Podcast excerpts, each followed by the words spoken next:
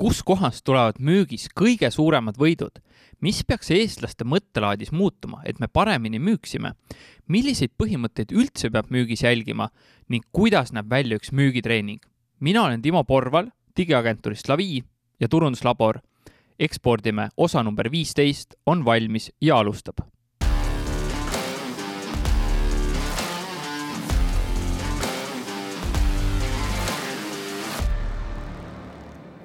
enne veel, kui läheme saate juurde, siis tule kindlasti meie Facebooki gruppi Ekspordime ja samamoodi kõik saated on Youtube'ist vaadatavad, otsi üles Ekspordime kanal, vajuta subscribe ja oled alati kursis, kui uus osa ilmub.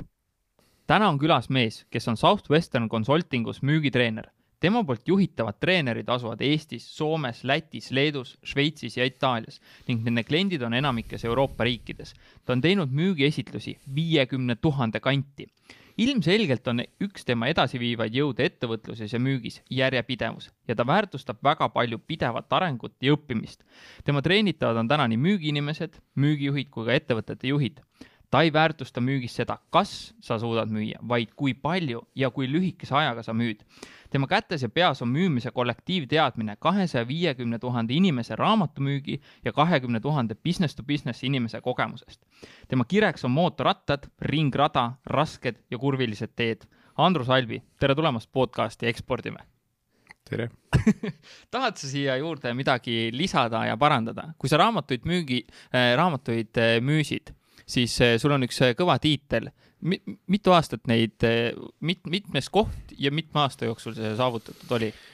kaksteist aastat ja siis sellest veerand miljonist inimesest seitsmes ähm, aga see kaksteist, need on nagu, need on hea, et sa, Timo, küsid need koos, et, et sest nagu osa sellel seitsmendal kohal oli selle kaheteistkümne aastaga seos, eks ju, et, et, et kui sa midagi teed kaua ja hästi, siis siis, eks ju, et kui sa lihtsalt teed hästi, siis isegi kui sa teed hästi, siis lühikese ajaga ei tee seda ära, eks ju. aga järjepidevalt, on ju, kaksteist aastat? jah, äh, kahekümnendast, kohe esimesest kursusest ja ütleme nii, et siis, kes Youtube'ist vaatab, siis kui ma müüma hakkasin, mul olid veel juuksed.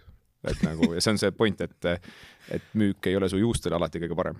ahah et... tuleb ametit valides, et Eestis on teisi ka müügiinimesi, kelle, kellel ma täheldan samasugust äh, ju, juuksejoont aga annad sa mõne sõnaga taustast aimu, millega sa igapäevaselt äh, oma töös äh, tegeled, keda aitad ja mis valdkondadest?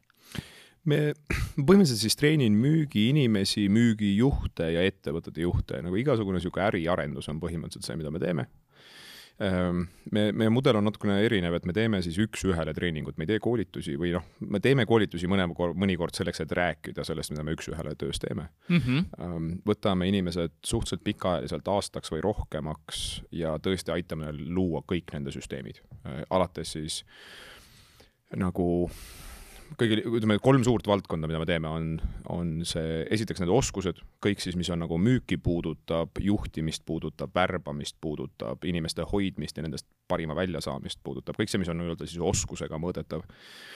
ja siis me vaatame nende süsteeme, näiteks siis nende kalendrit ja CRM-e ja kõike seda, mis puudutab siis nagu süsteemset müügi poolt ja kolmas osa, mida sa ikka kokku puutud, on nende motivatsioon, et nagu, et sa võid väga tark olla, aga kui sa ei viitsi ja ei taha, siis ikka tulemust ei tule.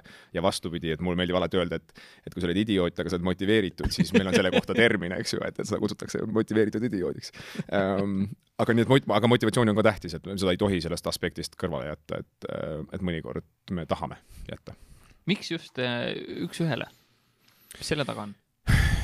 kõige, kuidas siis öelda mitte kõige efektiivsem, aga kõige süvamini kõige paremat tulemust saad. et vaata, kui sa üks-ühele teed, siis äh, mõnes mõttes nagu see ego läheb uksest välja, sellepärast et sa ei pea olema oma kaaslaste ees äh, nagu väitma midagi ja ennast kaitsma. Äh, ma olen treeneri rollis, seetõttu ma olen suhteliselt neutraalne ähm, ma ei saa palka selle eest, kui hästi tema teeb, eks ju, seetõttu mul ei ole oma motivatsiooni seal, oma agendat taga ja, ja, aga samal ajal ma ka olen treener, mitte sõber, et, et ma saan ka olla nagu, ta annabki mulle õiguse olla aus ja otsekohene, ma saan teda mõjutada ja lükata tegema seda, neid asju, mida ta, ise tahab, et ta teeks. nii et me alustasime me ettevõtte ajalugu siis viisteist aastat tagasi, me tegelikult alustasime seminaridega, alustasime koolitusega, müüsime seitse-kaheksasada piletit, tegime saali täis kaks päeva nagu vägev vägev, eks ju, täiega. aga tead, selle koolitusäriga on see, et, et seda tulu on nii vähe, noh, inimesed, vaata, me kõik oleme koolitusel käinud, saad mõned head mõtted kaks-kolm nädalat oled isegi rohkem motiveeritud ja siis sa, kuna seda järjepidevust ei ole ja keegi seda ei küsi, siis sa istud, lähed tagasi sellesse samasse rütmi, me oleme kõik oleme harjumuste inimesed, eks ju, ja me lähme oma harjumusse tagasi. ja selles mõttes ärina on, oli seda väga keeruline üles ehitada, sellepärast et et sa surud ja surud ja surud, eks ju, üles mäkke lükkad, aga kuna tulu ei ole, siis inimesed ei taha väga tagasi ka tulla, noh, väga vilets ärimudel oli tegelikult nagu. Ehm, seevastu, kui sa teed üks-ühele, siis sa saad ja sul on see järjepidevus pikaajaliselt, siis ma tõesti saan neid harjumusi muuta, see tõesti annab teised tulemused. inimeste sissetulekud kasvavad, elud lähevad paremaks. Ehm, ja siis on seal väga suur nagu, nagu väga hea ärimudel, sellepärast et siis inimesed tulevad ja ütlevad, kuule, aita mind ka, eks ju mm. -hmm. nii et sellepärast see üks-ühele tundub nagu, tundub töötavad lihtsalt paremini. aga muidugi see tähendab seda, et maailma muutmine võtab päris palju aega mm. -hmm. Ähm, aga ega mu kiiret ka kuskil ei ole rahulikult. mis see intervall on, kui tihti üldse kokku saadakse sellise üks-ühele puhul, on see korra kuus, korra nädalas, korra kvartalis? meie rütm on iga kahe nädala tagant ja see tundub, see on ka jälle katse-eksitusmeetodil, et kui me alguses tegime iga nädal ja iga nädal tundus olevat liiga palju, inimesed ütlesid, et tead, ma isegi ei ole jõudnud teha seda, millest me eelmine kord rääkisime, eks ju. ja siis me tegime korra kuus ja korra kuus nagu inimesed ütlevad, tead, ma isegi ei mäleta, millest me eelmine kord rääkisime, et, ähm, et iga kahe nädala tagant tundub niisugune mõnus äh, nagu ma saan, nagu see on ikka intensiivne, et mul on ikka kliente, kes pärast aastat ütlevad, et teeme kuu aega või kaks pausi, et, et nagu, et intensiivsust on nii palju olnud, aga see on ikkagi niimoodi, et ma alati ütlen, et ma olen treener, mitte õpetaja, et asi on ikka selles, mida me suudame rakendada, mitte selles, mida sa suudad aru saada, et aru saada, tahad aru saada, ma suudan sulle raamatuid soovitada ähm,. aga, aga küsimus on, mis sa suudad rakendada ja just niisuguse rütmiga tundub, et, et saab rakendada suhteliselt lihtsasti mm. -hmm. no tegu on nagu tippspordiks ettevalmistusega, võistluseks, et ikkagi nagu. see sporditreeneri ja minusuguse müügi- või äritreeneri vahe on nagu väga sarnane on tegelikult, seal on nagu, nagu selles mõttes, et täpselt see, mida su treener teeb, ta vaatab su tehnikat, eks ju, ta vaatab kõrvalt, kuidas sa jooksed, kuidas sa mootorratas sõidad ähm,, vaatab, võtab sind mõnes mõttes isegi videosse ja siis analüüsib sinuga, ütleb, et vaata, siin kohas sa teed valesti, eks ju. siis ta teeb sinuga treeningkava et nagu, et näed, kui meie eesmärk on järgmine aasta kolmkümmend protsenti kasvada või ütleme, spordimetafoor ennem, et siis su eesmärk on maraton alla nelja tunni joosta, siis me peaksime nii palju jõusaali ja nii palju kilomeetreid jooksma. Ähm, samamoodi siis mina vaatan, et su eesmärk on kolmkümmend protsenti kasvada, mida me muudame, kuidas me sinna jõuame. Ja ja siis ta veendub, et mida treener kõige rohkem teeb, on see, et, et kui sa trenni ei jõua, siis saad pragada, eks ju, nagu.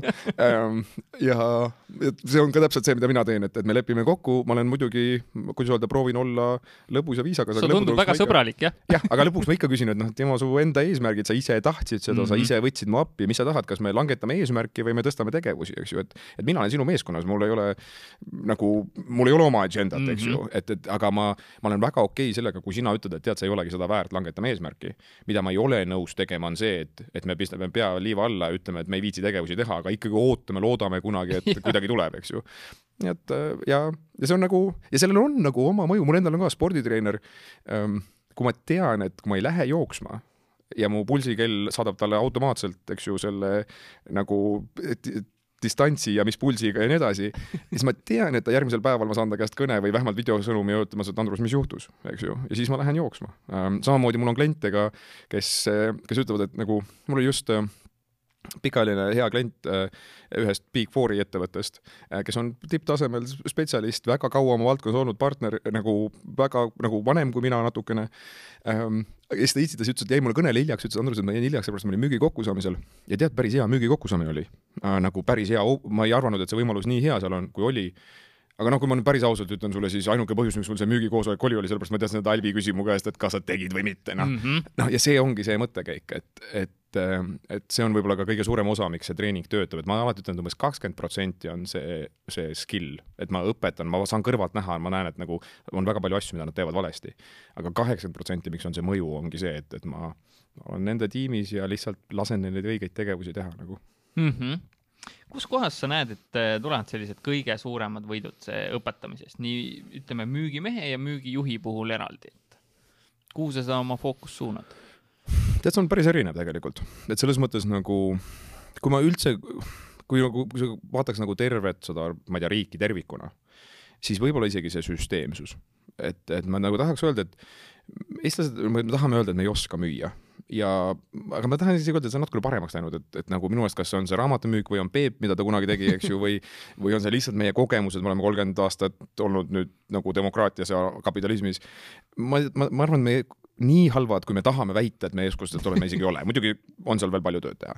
Um, kui ma üldse tunnen, et mis on meie see Nokia, siis on me, meie töökus, see mott on nagu noh, meil on lihtsalt Eesti mehele, mulle meeldivad need artiklid, kui keegi küsib, et miks Eesti mees nii vara ära sureb, siis ja siis keegi alati kirjutab vastuskirja, ütleb, et see, mis kulub, see, mis töötab rohkem, see kulubki kiiremini, eks ju. ja me oleme isegi uhked selle üle, et me mhm. vara ära sureme, mis on nagu väga ohtlik ähm,. aga aga ühesõnaga meile tööd meeldib teha, juba Tammsaare kirjutas, et tee tööd ja tuleb armastus, eks ju, kas tuleb, see on teine küsimus äh,, nagu ka Tammsaare tõestas, aga, aga meile meeldib tööd teha ähm, aga küll on, ma tunnen, et milles meil võib-olla kõige rohkem veel puudujääke on, on see süsteemsus. et nagu ma näen tippjuhte, kelle kalendrid on täiesti laiali äh,, ma näen CRM-e, kus nagu, kuidas öelda, et nagu sõna otseses mõttes teenindatakse ära see kõige madalamalt rippuma vili, nagu see kõige lihtsamini ära korjatav vili tehakse ära äh,. nii kui, nii kui see müügitsükkel venib üle poole aasta, nii lihtsalt unustatakse ära sõna otseses mõttes, ei ole ebatavaline, et sa unustad ära selle follow-up'i teha ähm, või samamoodi värbamisega, et kui sa küsid, et mis juhtidel on, et, et siis näiteks mina vaatan, et juhid väga tihti peaksid olema need peamised värbajad, tippinimesi oma ettevõttesse tooma. ja jällegi nad korjavad ära need inimesed, kes on töötud turul, eks ju, aga nagu noh, noh, saad isegi aru ähm,. ja nii, aga need tipptüüpe tihtipeale tuleb värvata kaks aastat, viis aastat, eks ju, sa oled olemas, sa oled pildis, sa järjepidevalt, järjepidevalt, eks ju, aga selleks on sul süsteemi vaja. aga neil ei ole seda süsteemi, et, et nagu Äh, nii et jah, et kui, kui sa niimoodi küsid, et kui ma peaksin kogu valdkonda võtma, siis ma ütleks sellele selle mm. -hmm. mida sul nendele müügimeestele, inimestele kõige keerulisem õpetada, edasi anda on? sa näed, kuhu sa ikka jälle nagu takerdud? tead, mulle tundub, et see, me ala, ma arvan, et see peamine teema on see, et me alahindame nagu nii seda süsteemi kui seda oskust et me arvame, et võtame sellesama süsteemi, et mul nagu näiteks mulle tundub, et enamus inimeste peas on see, et kui ma tahan sada protsenti rohkem müüa, siis nad teevad nagu lihtsa arvutuse ja ütlevad, et ma pean siis kaks korda rohkem tööd tegema ähm, ja siis nad mõtlevad, et okei okay,, ma tegelikult, nagu ma töötan praegult juba üheksa tundi päevas, ma rohkem ei ole, väga ei taha, kindlasti ei taha kaheksateist tundi päevas töötada, järelikult ei ole võimalik rohkem müüa, järelikult ma ei saa seda teha. kuigi tegelikult nagu, mul kunagi ähm, mu esimene mentor, kes raamatumüügi ajal oli Chris Adams, kes selle ehitas, selle euro, kogu Ida-Euroopa raamatumüügi osa. Äh, tema kunagi tõi britiliku näite, et ta oli hobuse, hobusevõistluste näite, eks ju, noh, nii britilik kui vähegi saab olla, eks ju. ja Chris ütles selle kohta nii, et, et vaata, Andrus, et esimene hobune, kes võidab, tavaliselt on väärt umbes kümmet milli eks ju, ja ma panen võib-olla summades, mul pole -hmm. õrna aimugi, mis see võistlushobune yeah. maksab. nüüd see teine hobune on tihtipeale väärt, ma ei tea, milli, võib-olla kaks. nüüd kas see number üks hobune jookseb jookseb kaks korda või kümme korda kiiremini kui number kaks hobune või? loomulikult mitte, mõnikord on see nina pikkuse vahe. aga see nina pikkuse vahe teebki selle, selle kümnekordse vahe. ja minu meelest ajaga on täpselt samamoodi, et, et mul on olnud päris palju kliente, üks mu parimaid lugusid, kus alguse lugusid, meil oli, oli müügiinimene, kes, kes lihtsalt kahekordistas oma sissetulekut sellega, et me suutsime vabaks teha ühe pärastlõuna nagu üks pärastlõuna, ühesõnaga põhimõtteliselt tal oli portfell täis, äh, paar aastat oma tööd teinud, väga hästi teinud, portfell oli mõnus ja see tõi talle üheksakümmend protsenti, üheksakümmend üheksa protsenti ta sissetulekust. treener küsis, kus uued kliendid on, vastus on hästi lihtne, ei jõua, noh, vaata, mul on portfell nii suur. logisime ta aega natukene ta mängis kullerit, selle asemel, et ära anda. natukene ta käis, ei ole prioritiseerinud eriti jällegi süsteemi puudus, et ta käis samade klient, iga kliendi juures sama tihedusega, kuigi üks klient oli väärt hoopis rohkem kui teine, eks ju. ja siis ma alati ütlesin, et igal müügimehel on midagi, tema oma oli, oli Äripäeva lugemine ähm,. vaata, ta ütleski, et tead, ma Äripäevas näen, millistel ettevõtetel hästi läheb, eks ju. ma olen sealt kliente leidnud küll, mis oli tõsi, ta oli sealt kliente leidnud. aga no reaalsuses ta veetis kakskümmend minutit aega iga päev, et lehte lugeda, eks ju. et kõik, mis me tegime, me ei teinud palju, me suutsime ühe pärastlõuna vabaks teha, natukene ümber prioritiseerides. ja selle panime uute klientide peale. ja nelja kuuga ta treeningus, ta sissetulek läks äh, kahe, no põhimõtteliselt siis boonuspalk kasvas kahekordseks ähm,. et ähm, et selles mõttes see nagu ei pea tegema suuri muudatusi, need on tihtipeale niisugused väiksed niped-näped asjad, tihtipeale kvaliteet rohkem kui kvantiteet nii-öelda nagu. ja, ja ma arvan, et inimesed alahindavad seda. Äh, ja teine asi, mida ma tunnen, et et müügimehed alahindavad, on see, et nad mõtlevad, et ah, vahet pole, ma lihtsalt räägin.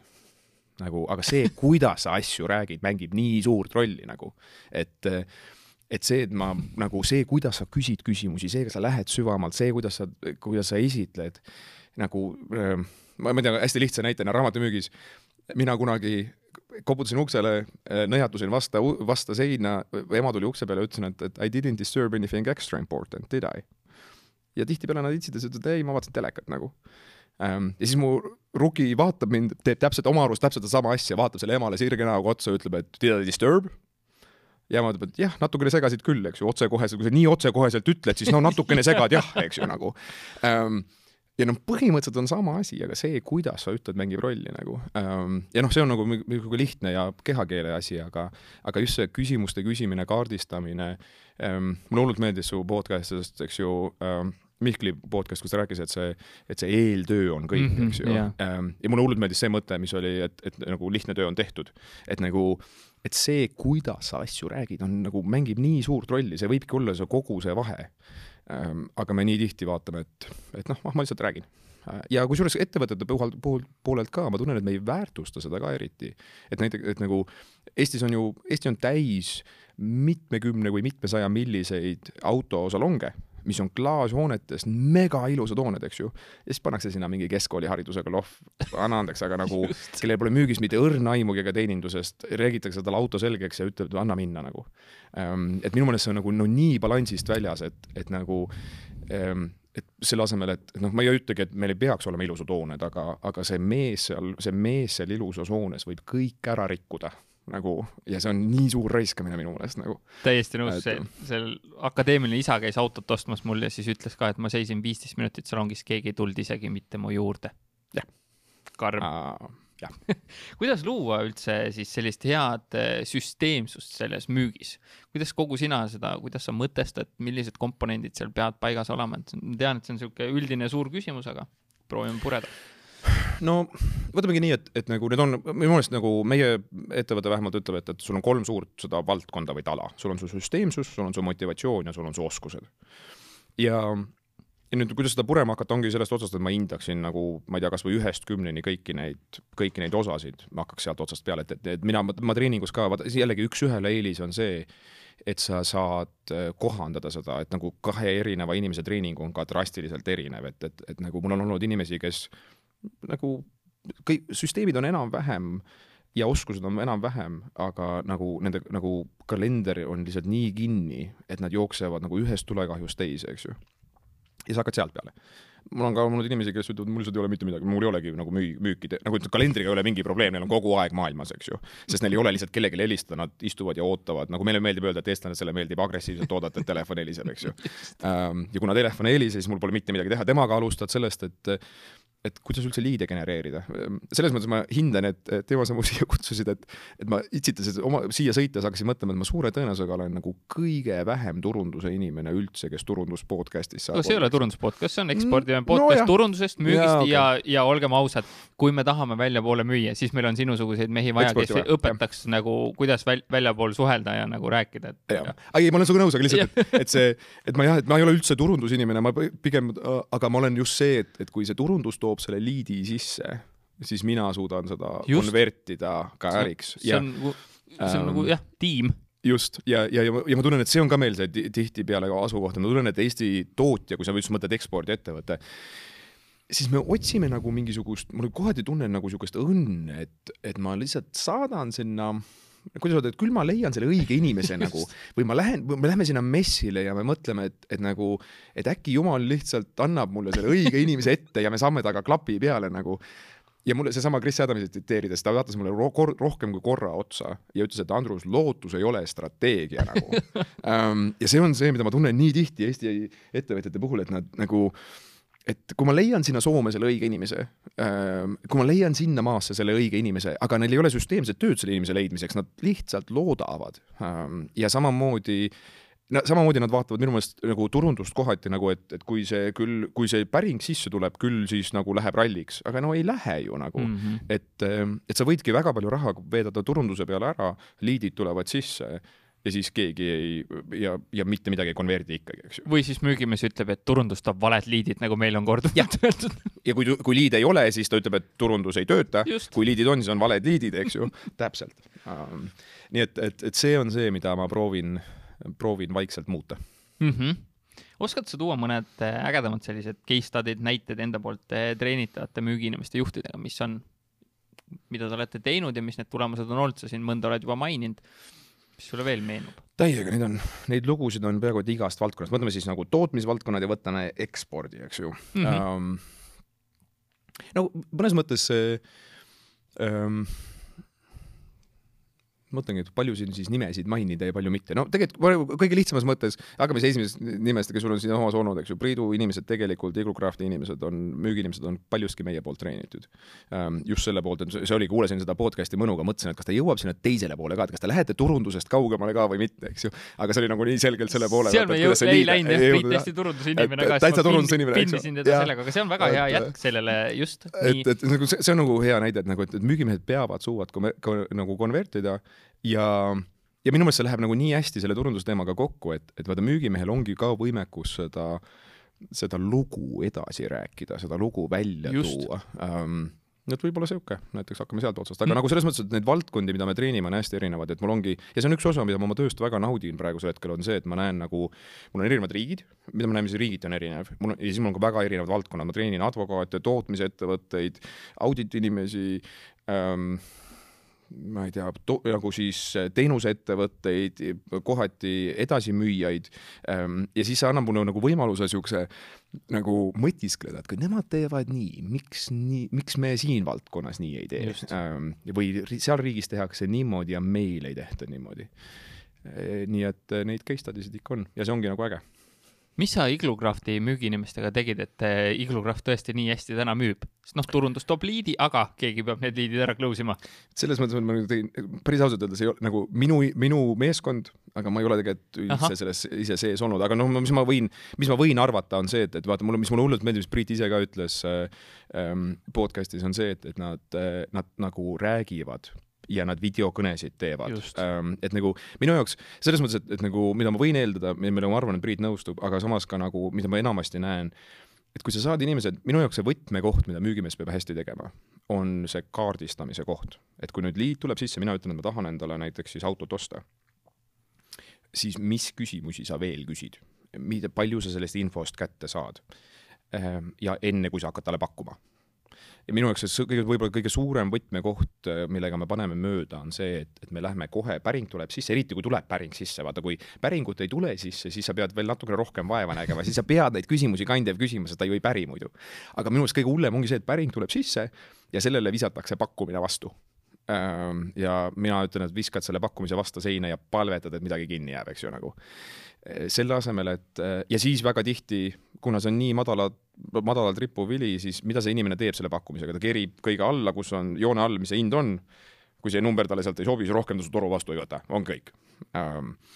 Ja kõige peamisem asi, mida ma tahaks, et müügimehed teeksid, on see, et, et kui see päring sisse tuleb, siis sa, siis sa võtad ta toru otsa ideaalis, videokõnesse veel parem, eks ju. Ja, ja uurid, et räägi mulle, muidugi täiega võin sulle pakkumise teha, aga räägi mulle natuke seda lugu seal taga, et ma sulle õige pakkumise teen, eks ju. mida sa tahad, et see, see maja teeks, mida sa tahad, et see, kuhu sa tahad selle panna, mis need lisaasjad seal saaksid olla sa saad, mis nagu eriti äge, noh, see on juba nagu nii-öelda märgunistus, kui nad hakkaksid küsima ka nagu, et mis seal taga on, eks ju, et nagu, et vaata see, see, mis Priit rääkis, et võtta aega, eks ju, et see, see ongi see mõttekäik, et sa ei osta ju maja, sa ostad selle, selle, selle koha, kus sa saad vaikuses olla, eemal olla, eks ju. Räägi mulle, kui hull see töögraafik on, kui tihti sa tahaksid sinna ära põgeneda, eks ju. nagu ja see kõik annab ju selle, selle, seda lugu pikendab ja sa saad ka aru, sa oskad sellega pakkuda, nüüd sa võid olla oluliselt kallim, eks ju, sest nagu versus lihtsalt mu maja müüa, et noh, ma viskan sulle midagi sinna kokku nagu. Nii et eh, see on võib-olla see peamisem teema, et, et kui saaks need müügiinimesed küsima, me vaatame, vaatame paljudes raamatutes seda faasi kutsutakse eh, nagu siis valu või kutsutakse vajaduse selgitamise faasiks. ja mina ei taha seda just sellel pärast vaja, vajaduse selgitamiseks kutsuda, sellepärast et tead, müügimehena sa tegelikult peaksid teadma, mis see vajadus on su ülesanne on see vajadus sellest nagu välja tuua, inimene see panna sellest mõtlema, sellest inimese situatsiooni see vajadus panna. Ehm, ja me kutsume seda kaardistamise koosolekuks lihtsalt sellepärast, et, et nagu, et, et minna sellest et, nagu, et sest enamus ju, müügiinimesi ütlevadki, et mis vajaduse kaardistamine, ma tean ju, mis see vajadus on.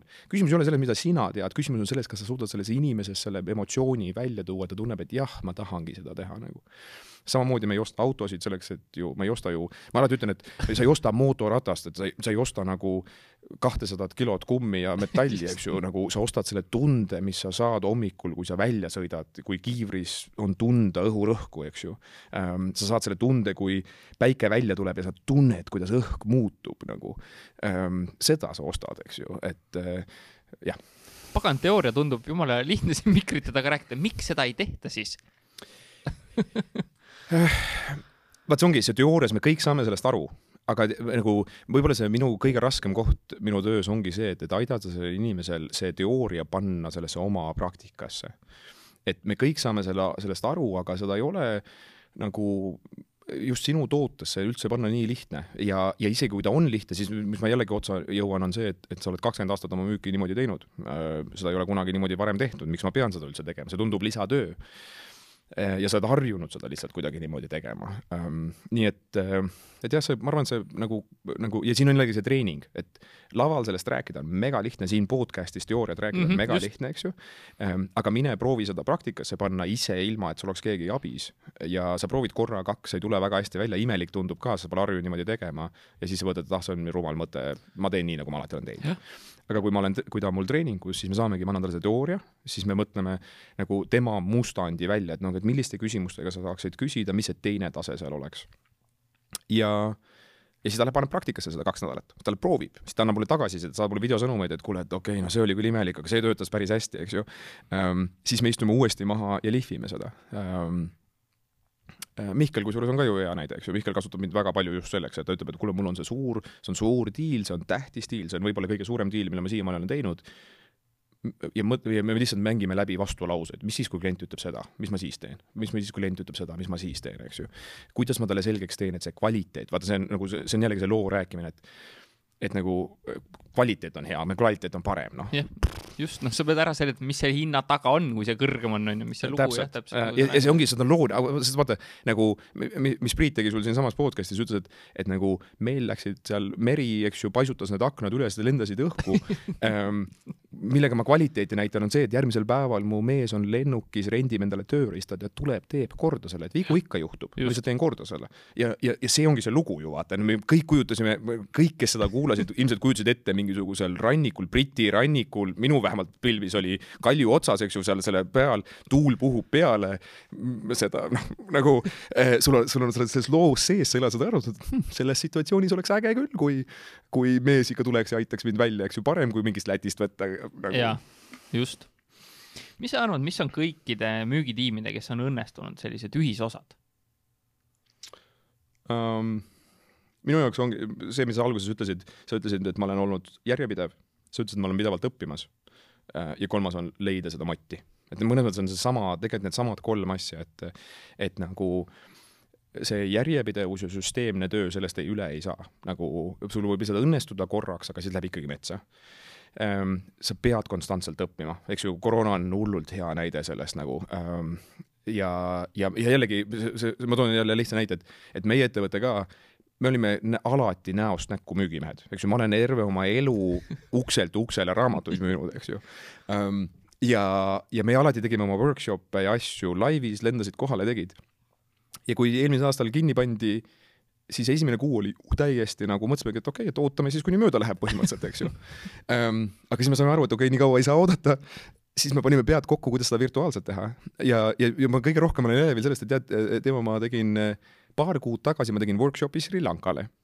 Sri Lanka ühe IT-meeskonna siis customer service department on Sri Lankal, eks ju ähm,. Saksa juht, Saksa juht ütles, et nendel on kõige rohkem abi vaja ähm,. kaks tundi äh,, nüüd teeme natukene nendega järeltööd, eks ju ähm, siis ma eelmine nädal teisipäeval tegin ühele IT-ettevõttele, kes on UK-s peamiselt, tegin workshopi, mul oli kohal ka Hollandi, Stockholmi inimene ja mu lindistus saadeti New Yorki ja, ja, ja Austraaliasse.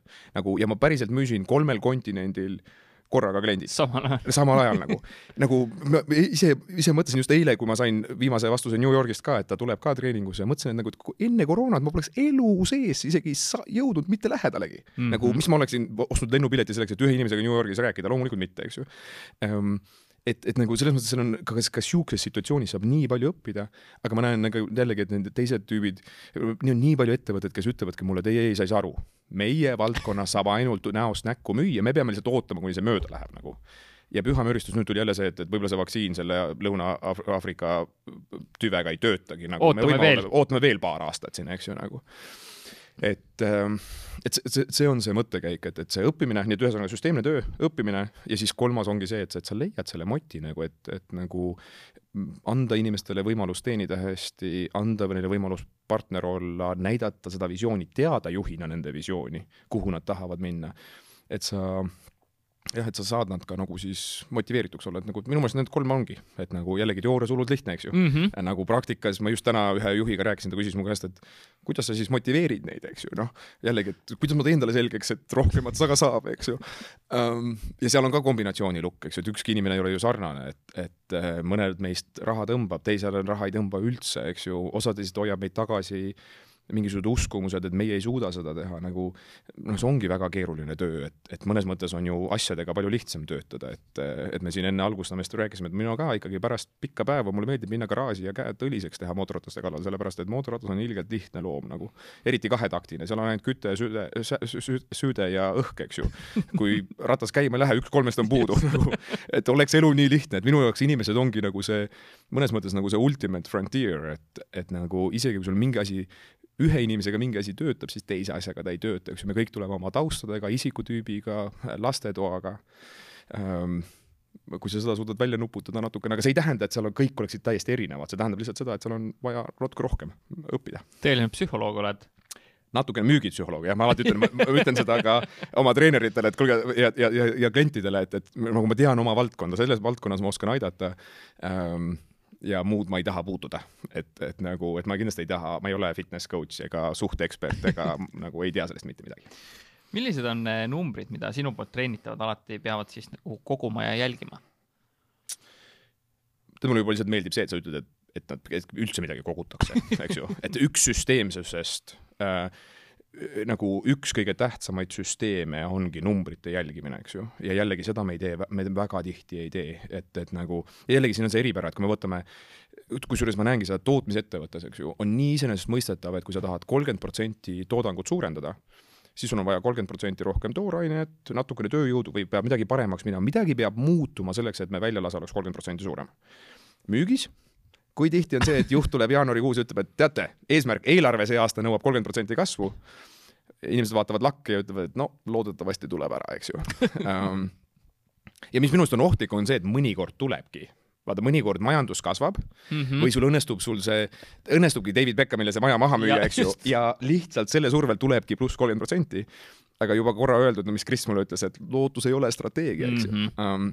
nii et um,, nii et selles mõttes ma nagu, ma, ma arvan, et igal inimesel võib olla see, noh, muidugi müügiinimestel on need mõõdikud hästi lihtsakoelise või nagu suhteliselt standardsed ähm,, juhtidega on natukene keerulisem ähm,, aga ma arvan, et võib-olla mõttekäik ongi see, et, et nagu logi vähemalt midagigi, logi nagu kõike. Kris kunagi ütles mulle, kui ma uut ettevõtet alustasin, ütles, et tead, alguses sa ei tea, mis on tähtis. et kui võimalik on, siis logi kõike. ja küll sa pärast sorteerid välja, mis statistika ei ole oluline ja mis on oluline, eks ju. nii et ähm, ja selles mõttes ma ütleks, et peaasi, et sa midagi logid ja proovid seda süsteemselt vaadata ja seda analüüsida. aga noh, nüüd kui minna standardiks, siis müügimeeste puhul mitu liidi sisse tuleb, mitu esimest korralikku sisukat vestlust, mitu pakkumist sellest pak-, nendest vestlustest välja läheb, mis nende pakkumiste conversion rate on, noh, niisugune standardne, eks ju, juhtidega mina tavaliselt vaatan, palju nad üks-ühele inimestega räägivad, palju nad koosolekuid teevad, palju nad põllupäevi teevad, mis on väga harva juhtub, et meil Eesti müügijuhid läheksid ja vaataksid, mida see müügimees seal field'il siis teeb. see, ma alati ütlen, et üks põllupäev on sul, ma arvan, et sada üks-ühele vestlust, et, et nagu sa näed rohkem. ja siis muidugi, kui nad on värbamas, siis värbamisstatistika, mille saab väga lihtsasti taandada ka müügistatistikale, eks ju, et ega värbamisstatistika on, või noh, värbamine on müük, eks ju, et, et nagu ja tegelikult juhtimine on ka müük, sa müüd lihtsalt ideesid, mitte tooteid, eks ju. mm. -hmm. Mida kaksteist aastat raamatute müüki sulle USA-s ameeriklaste kohta õpetas ja sinu enda kohta? milli-, millised inimesed need on, et kes just mõtleb nagu Ameerika turu peale ja USA-sse minna oma toote või teenusega, millega ta peaks arvestama? Ehm, tead, Ameerika, nagu selles mõttes, et ma just pigem nagu tahaks seda maha võtta, et mulle tundub, et meil on niisugune arusaam, et need riigid on, nagu et inimesed on nii erinevad, et ma olen nõus, kultuurid on erinevad, eks ju, et sa ei saa täpselt, sa ei saa võtta Eestit ja panna selle otse Ameerikasse nagu, või sa ei panna, saa võtta Ameeriklast ja panna selle otse Eestisse. aga mulle tundub, et me nagu proovime seda nagu üle idealiseerida, et ma pean minema Ameerika turule, siis me peame kõik nii Ameerika moodi olema, inimesed on ikka inimesed. ja vaata, minu meelest selle see üks-ühele võib-olla see, või see näost näkku müük, minu meelest ei oleks vaja, ei ole vaja vaadata mitte ettevõtteid ja riike vaid et vaadata inimesi, kes on seal taga. ja inimesed on inimesed, et nagu meil kõigil on, kui sa, öeldakse, et kui sa võtad kõikide inimeste unistused, siis no nad taanduvad ikka väga lihtsatele asjadele tavaliselt, me kõik tahame suhteliselt samu asju. meil on samad hirmud tihtipeale ähm, ja nii et nüüd sa pead lihtsalt selle nagu, mina ütlen, et kui riigilt riigile sa muudad kümmet protsenti, võib-olla kahtekümmet protsenti, kombed on teised, eks ju. ameeriklased on palju rohkem nagu, kuidas öelda, väljendusrikkamad ja, ja rohkem elevil, eks ju, et öeldakse, et, et kui ameeriklane on elevil, siis ta on laua peal püsti, eks ju. kui eestlane on elevil, siis ta nagu on, meil on see excited eyebrow, et, et nagu, et nagu noh, okei okay, oli nagu, et muiga, muie on ees, siis on päris hästi, et said Eesti mehe muigama, on jumalast hästi, eks ju. ameeriklane selles samas situatsioonis, on laua peal püsti ja karjub, eks ju. et, et nad on natukene erinevad ähm, ja sa pead kindlasti ka suhtluses seda jälgima, et mina ütlen, et, et kui ameeriklane ütleb sulle, et sa oled mulle nagu, Timo, sa oled mulle nagu oma poeg, äh, siis mida ta mõtleb selle all, on see, et päris äge poiss oled, eks ju mm. -hmm. eestlane, kui ta ütleb sulle, et sa oled mu oma poeg, siis sa läksid testamenti, eks ju, see tähendab seda, et pool varast või Just. mis iganes osa on, läheb sulle, eks ju, et hoopis teise taseme jutt, sa pead seda nagu läbi selle filtri võtma. kui ameeriklane ütleb, et, tule mulle külla, siis ta tegelikult otseselt ei mõtle, et tule mulle külla, eks ju. eestlane küll mõtleb, eestlane solvub, kui sa ei tule selle peale um,. nii et sa pead nagu um,, sa pead nagu kohanema, aga aga lihtsalt, et võib-olla siis nagu, mida ma tahaks maha võtta, on see, et mulle tundub, et riigid nii tihti otsustavad nagu selle, selle riigi ära, kuhu minna. ja siis lihtsalt nagu lähevad ja proovivad seda seal sotti saada. mina läheneks hoopis sellega, et kus mul, kus riigis mul on need huvitatud inimesed, kus mul on head inimesed, kes mõtlevad samamoodi nagu mina. Ehm, ma läheks inimeselt inimesele rohkem ja, ja vaataks seda poolt ja siis ta läheb palju lihtsamaks ka, et, et nagu ähm, jah. aga sinu enda kohta, mida see õpetas? no tema laias laastus olengi, kõik, mis ma elus olen teinud, on, on Southwestern, eks ju. et ma sain just viie, viieteistkümne aasta sertifikaadi, et viisteist aastat või noh, see oli paar aastat tagasi tegelikult, nüüdseks on mingi seitseteist või kaheksateist aastat, et ma alati ütlen, et oleks ma teadnud, et ma seda eluaeg teen, ma oleks tähele pannud alguses, eks ju. et äh, mis ma õppisin, noh äh, ma nagu ma arvan, et see peamine osa oligi see, et, et ma, ma tahtsin selles heaks saada mu lugu, taustalugu on see, et, et ma ei olnud, äh, mul on kaks vanemat õde, mõlemad on cum laude'd, mina nii tark ei olnud. ei olnud ka nii järjepidev, et, et mul ei olnud nagu seda, ma mõtlen, et ma tegelikult ei pingutanud terve keskkooli ega põhikooli. Ehm, ja ma alati mõtlesin, ja ma ei olnud ka kätega tegev mees ja ma kindlasti ei olnud nagu see, et võtad puutükk kätte, tee sellest midagi ilusat, et nüüdseks ma olen vaata neid mootorrattaid nii palju ära lõhkunud, et ma tegelikult oskan garaažis juba päris hästi. aga see on kusjuures viimase kümne aasta õpp, õppimine nagu um, nüüd ma algusest peale olen vaadanud ennast, et ma pean selles äris hea olema. Ähm, ja siis raamatumüük päris ausalt öeldes niimoodi tõestas seda, et ma olin selles ka nii keskmine, et ainukene suvi, kus ma ei olnud top sajas, oli mu esimene suvi. eks ju, pärast seda ma võtsin asja kätte, sain aru, et okei okay,, ma pean nüüd pingutama hakkama.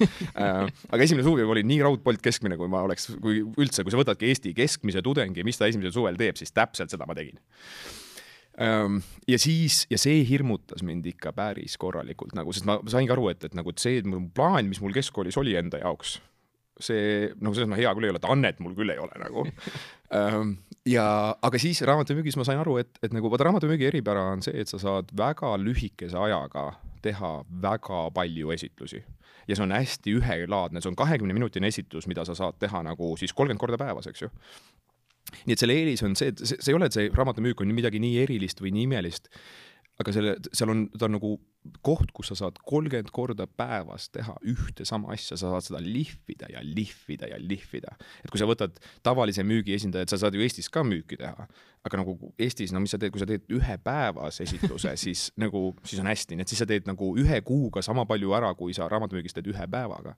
nii et sa saadki ühe suvega nagu kaks-kolm tuhat esitlust, mida teine inimene teeb kümme aastat või rohkem ja, ja seetõttu see kogemus lihtsalt aitab ja siis ma nägingi nagu teisele aastale minnes ma nägin, et okei okay,, noh, selles ma tahan hea olla, ma selgelt selles hea ei ole.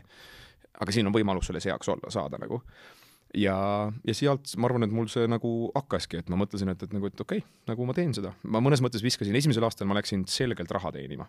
nagu ma teadsin, et see oli ainukene töö, kus ma teadsin, et ma teoreetiliselt võiksin teenida nii palju raha, et mootorratas osta ähm, ja, ja siis ma sain aru, et isegi kui ma väga ruttu, ma arvan, et mingi esimesel nädalal ma sain aru, et isegi kui ma teenin nii palju raha, et mootorratas osta, siis see tuleb liiga raskelt, et selle ära kulutada ähm, ja nüüd teisel aastal mul oli nagu mõnes mõttes suva, mis ma teenin. Äh, ma läksin välja puhtalt selleks, et mul on vaja see inimpsühholoogiast aru saada, mul on vaja see raamatumüük ära õppida. ja, ja ma kasvasin mingisugune kolm korda, äkki müüsin rohkem kui esimesel suvel ähm, ja siis kolmandal aastal müüsin veel umbes kaks korda rohkem kui oma teisel suvel.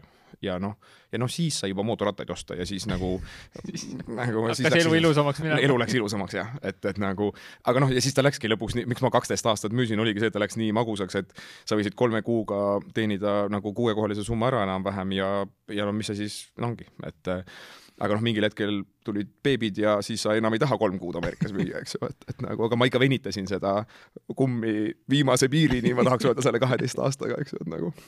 mis see sinu nägemus on, kas sellise puise aktsendiga eh, nagu eestlastel kipub olema, võib-olla ma teen liiga, võib-olla mitte, annab üldse nagu müüki teha või see peletab selle ameeriklase ära või, või UK-s inimese? ei, ikka annab um,. ma arvan, et me see ongi see, et, et nagu vaata, ma vastaks sellele, et tead, hea müügimees peaks olema parem kuulaja, kui ta peaks olema rääkija. nii et seetõttu nagu su aktsent nagu ehm, noh, loomulikult nagu baastasemel inglise keel on vajalik, aga, aga jällegi, et nagu nad annavad sulle andeks, kui nad saavad aru, et sa hoolid. Nad annavad sulle andeks, kui sa saa-, kui nad saavad aru, et sul on äge toode ja sul on see, sa tead seda valdkonda nagu um,.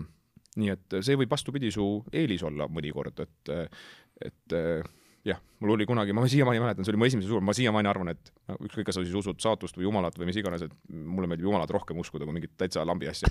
Ähm, et jumal pani selle vanamemmekese sinna, mul oli esimesel nädalal, kus ma ei olnud mitte midagi müünud, ma olin nagu nagu ainult näkku saanud ja Orlando Floridas, nii et kolmkümmend kraadi kuuma, sada protsenti õhuniiskust, no täiesti hullumeelsus.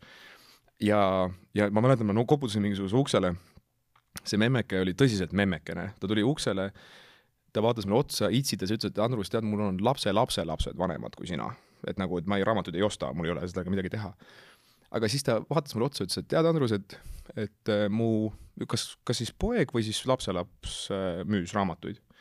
ja sinu siniste silmade ja armsa aktsendiga sa, you will be fine nagu ja, ja ma tõsiselt noh, kakskümmend aastat hiljem peaaegu ma siiamaani mäletan seda memmekest ja ma siis usun, et see oli see koht, kus ta ütles mulle nagu, et, et pea vastu, eks ju, et nagu, et, et ikka saab. Ja selles mõttes, et vaata, et me ei ole ju erilised ehm, meie aktsent ei ole erilisem kui Läti aktsent või mingi muu aktsent, kõigil on seesama situatsioon, et ärme ära unusta, et nagu, et noh, see ongi selle, et kas sa leiad selle vabanduse või selle võimaluse, et kas koroona on see, mis võtab su jalust maha või see on see just asi, mis sind aitab. et äh, kõigil on ju aktsent välja arvatud ja isegi mulle meeldis, mis see, mis see, mis Priit ütles sellest äh, Äh, nagu copywriting ust, et, et see isegi Inglismaal need lõunainglased räägivad teistmoodi kui need põhjainglased, et nagu noh, kohati isegi tead, võru, võrukas ütleb sulle, et, et lumi mätsib ja teine ütleb, et, et pakib, eks ju, et nagu ja vaidle seal omavahel siis, eks ju, et et meil kõigil on seesama asi, et, et kui sa selle taha ennast kinni jätad, siis nagu noh, siis sa ikka väga lihtsate põhjustega jätad ennast kinni, eks ju, et et mis mm., mis sul teha on, et kui oleks ju äge, kui sa oleksid sündinud kuninglikku perekonda ja perfektset inglise keelt räägiksid, aga sa ei ole ju, kontrollida seda ei saa, eks ju, et nagu. Eh, mis peaks sinu arvates eestlaste nii oskustes kui mõttelaadis muutuma, kui me tahame oma tooteid ja teenuseid siit Eestimaalt välja müüa?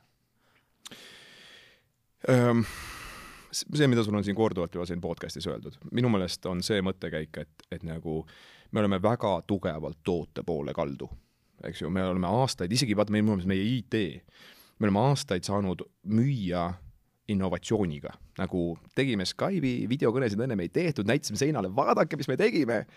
ja, ja see oli piisav, et, et see vau-efekt te tekitada, inimesed ostavad. ja tegelikult, kui sa vaatad meie nagu unicorn'e, äh, siis nad ongi ju tihtipeale puhtalt innovatsiooniga sinna jõudnud ja seetõttu, ja seal on õigus, nagu innovatsiooniga jõuad sinna, eks ju ähm,. aga minu counter argument on see, et, et nagu minu meelest niisugust nagu läbimurdvat innovatsiooni teha praeguses maailmas on järjest raskem, nii nagu öeldakse, et kerge töö on juba ära tehtud. Nagu.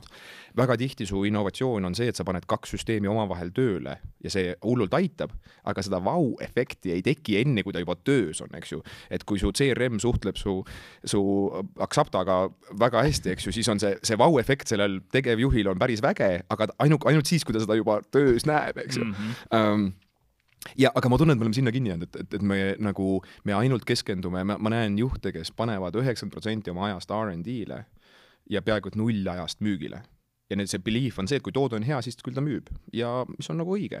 aga mida alati ei tähenda see, et su toode on halb, see mõnikord tähendab lihtsalt seda, et su toode on võib-olla nii spetsiifiline, et seda ei saa nii lihtsasti selgitada, eks ju. ja, ja, ja siis tulebki see, kus see lugu, turundus, aga ka väga palju müügitöö tuleb mängu. see müügimees on see, kes saab sulle selle valu välja tuua, et kui tüütu on, kui sa pead Axaptast Excelist välja võtma ja toppima selle nagu ja sa ei saa prognoosida, sest sul pole õrna aimugi, mida müügimehed teevad, eks ju. sa saad selle nagu, palju see sulle aega maksab, palju see sulle rahas maksab, võtab vahest une ka ära või? nagu kui tüütu see su jaoks on, eks ju, sa tood selle frustratsiooni välja, siis ütled, et ja siis ei peagi isegi demoma, sa ütled, ma lahendan selle ära. ja nad küsivad, palju raha tahad, eks ju. et, et nagu, et, et kui me liiguksime sellele, kas, ma ei ütle, et tootearendus ei ole tähtis, muidugi on, innovatsioon on tähtis, aga, aga seal on see teine pool, et, et ärge kulutage kogu oma energiat sellele ähm,, kunagi selle CEF-i blogis ta kirjutas, et ühel hetkel tuleb ship ida ja ship ida tuleb kogu aeg, isegi siis, kui ta ei ole perfektne, eks ju. ja nii nagu, nagu Priit eelmine, liiga palju võib-olla Priitu mainin, aga mulle meeldis see, kui ta ütles, et, et vaatan praegult neid esimesi maju ja mõtlen, et issand jumal, mis asi Just. see oli, eks ju. aga see ka ship'is mm, -hmm. et mhm. nagu äh, ja müügimehed peavad tööd tegema ka siis jällegi ja müügimees saab nagu tootevigu siluda nagu hea müügiga sa saad natukene vähem perfektset toodet siluda, eks ju nii et, et nendesse tuleks ka panustada ja energiat panna ja vaeva näha nagu. ja noh, ja lõpuks, kui sa nagu müüd, siis sa saad ka tagasisidet, kuidas oma maju paremaks Täpselt. teha, on ju, mida muidu sa ei saa R&D-sse, on ju. jah see oli Mihkli podcast'is, mulle meeldis see, et, et mina vaatasin neid review sid puhtalt kui müügiargumente ja siis, ja siis tema ütles, et ei, ei, me teeme oma research'i ära selle põhjal, et me tõmbame kõik review'd ette ja vaatame, mis halvasti on, eks ju mm. -hmm. et sa, et see täpselt seesama, ongi, müügimehed võiksid no, väga head sisendit tootmisesse anda, sest müügimeestel on võimekus näha kui sa ainult ühte, ühe kliendi review'd võtad, siis seal ei ole piisavalt valimit, et otsuseid teha, aga kui müügimees teeb ära nagu paarsada, paar tuhat presentatsiooni siis ta saab väga hästi aru, mis valud müügid, mis paneb inimestel silmad särama ja mis ei pane, kui ta kaardistab jällegi. nüüd ta, kui ta ainult demosid teeb, siis ta ei saa mitte muhvigi aru. aga kui ta kaardistab hästi, siis ta, siis ta, ta, küll ta koperdab mõnele situatsioonile otsa ja vaatab, et kui ma seda mainisin, siis inimesel läksid näo, näo, silmad särama. see võib-olla on point, siis ta läheb, proovib järgmise inimesega seda uuesti, vaatab, oo jälle töötab. tal on piisavalt valimit, mille põhjal öelda, et kuule, et vaata, see asi on tegelikult see, mis inimesi kõnetab, eks ju. ja mitte ainult tootmises, turundusse täpselt samamoodi, sest no ega veebileht on ju müügimees internetis lihtsalt, et noh, seal tulebki tulebki see müügimeeste kollektiivteadmine õigesti nagu üles panna tegelikult. jah, jah, jah, jah mis on eestlastena meie oskused, mida nagu teised väärtustavad ja mida me peaksime ka müügis võib-olla oma tugevustena välja tooma, aga me ei too seda, sest me nagu on nii loomulikud, üks on see töökus mm. -hmm. mis veel, mis sa nagu näed, noh. jonnakus. jonnakus. täiega nagu, selles mõttes, et, et nagu et, et sa nagu see, see järjepidevus ja püsivus, et sa lihtsalt äh, nagu ei anna alla, noh nagu proovin siis edasi, proovin teistmoodi, et, et nagu minu meelest see on meie see nagu, nagu selgelt me naudime noh, nagu töö tegemist ja, ja ehitamist ja kasvatamist, eks ju, et, et et ja see on asi, mida nagu minu meelest noh, et kõik me, kui ikkagi vaatad, meie, meie tipud alati töötavad, ükskõik palju neil miljoneid pangas on. mis sa teed siis, kui sa ei tööta nagu? meil on täpselt see, et mida sa teed, kui sa ei tööta nagu ähm,, nii et mm. -hmm. kui sa uuele turule lähed, siis mis oleks asjad, mida sa sealse kultuuri ja inimeste kohta endale selgeks teed, et äh, sa ütlesid küll, et enamasti inimesed on ühesugused, samasuguste unistustega, aga mis need kakskümmend prossa on, mida sa nagu kohandad, uurid? tead, ma annan sulle teistsuguse strateegia. ma võib-olla, ma võib-olla nagu vaatangi seda teistmoodi et äh, minu jaoks on ikka veel müstika, miks me teeme niimoodi, vaata, kui sul oli sealt välja toodud see, et, et miks me Soome turg ei tööta. et minu jaoks on müstika see, et me, me valime lihtsalt umbes nagu kaardi pealt ära, et see riik ähm, ja lähme proovime nagu ähm, minul on hoopis teistsugune strateegia. minu strateegia on see, et, et ma küsin inimeste käest, keda sa tead, kes on niisugune inimene. mul suva, mis riigis. Nagu, mida mina otsin, minu treenerid on põhimõtteliselt siis kümme pluss aastat müüki ja müügijuhtimist ja siis, mida ma otsin, on see, et nad on oma valdkonnas top kolme protsendi seas. et nad nagu tuhandetest inimestest on ette näidata, et nad tegid midagi oluliselt paremini kui teised, eks ju nii et ma niimoodi küsingi, ma küsin, keda sa tead, kes sellele kriteeriumile vastab. Siis ma võtan temaga ühendust, siis ma proovin ta, siis ma räägin talle oma väärtustest, mida ma tahan ehitada, küsin küsimusi, vetin teda, mul on hästi põhjalik valikuprotsess, eks ju ähm,. ilmselt üks põhjalikemaid üldse, ma, ma arvan, et ma räägin oma ühe inimesega, keda ma värban, ma alla kahe kuu teda ei palka ähm,. aga mõnes mõttes vahet pole, kus ta on. et nagu ja, ja niimoodi ongi, mul on Eesti äh, Läti, Leedu, need olid lihtsad, raamatumüügist võtsin lihtsalt raamatumüüjate absoluutse tipu ära, meil olid need olemas. aga Soomes ma leidsin täpselt nagu, Soome turg minu jaoks on olnud vahva. nagu ma just eelmine aasta tõmbasin Soome turu käima, praegusel hetkel me müüme seal väga hästi, see on mu ilmselt mu selle aasta kõige suurema kasvuga turg. miks? sest mul on seal inimene, kes on väga minusarnane, väga samasuguste väärtustega, tahab samamoodi ehitada, müstiliselt hea müügikogemusega, väga suure network'iga ka.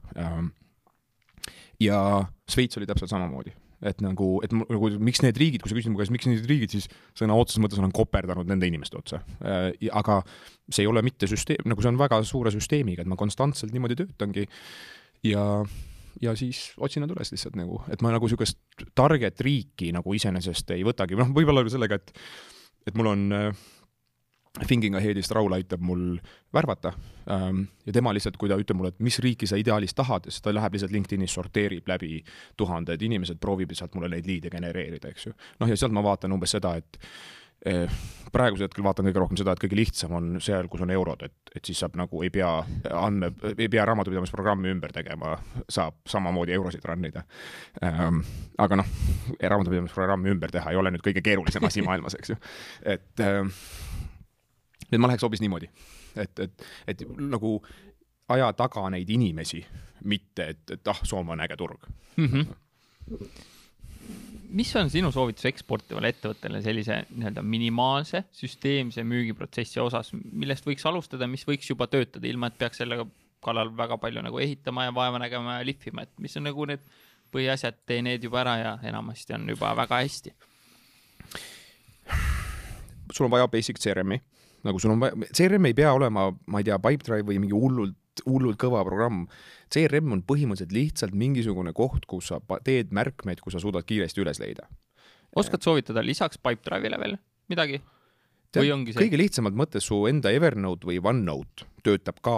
nüüd vaata, Pipedrive ja suuremad programmid on siis, kui palju müügimehi töötavad koos ja nad peavad kuidagi suutma koos töötada, eks ju, aga kui sa lihtsalt ise üksi teed oma müügitööd, eks ju, ütleme, mingi alus, mingi väike müügiettevõte, kolm müügiinimest, eks ju, sa ei pea mingit hullu programmi rakendama nagu ähm,, sul on vaja lihtsalt nagu teha märkmeid vot siin on see, miks Excel ei tööta, sest vaata Excelisse saab hästi lihtsasti panna su nime ja kuupäeva, millal ma sinuga rääkisin, aga sisukat vestlust on sinna nagu see kast läheb päris suureks mm. -hmm.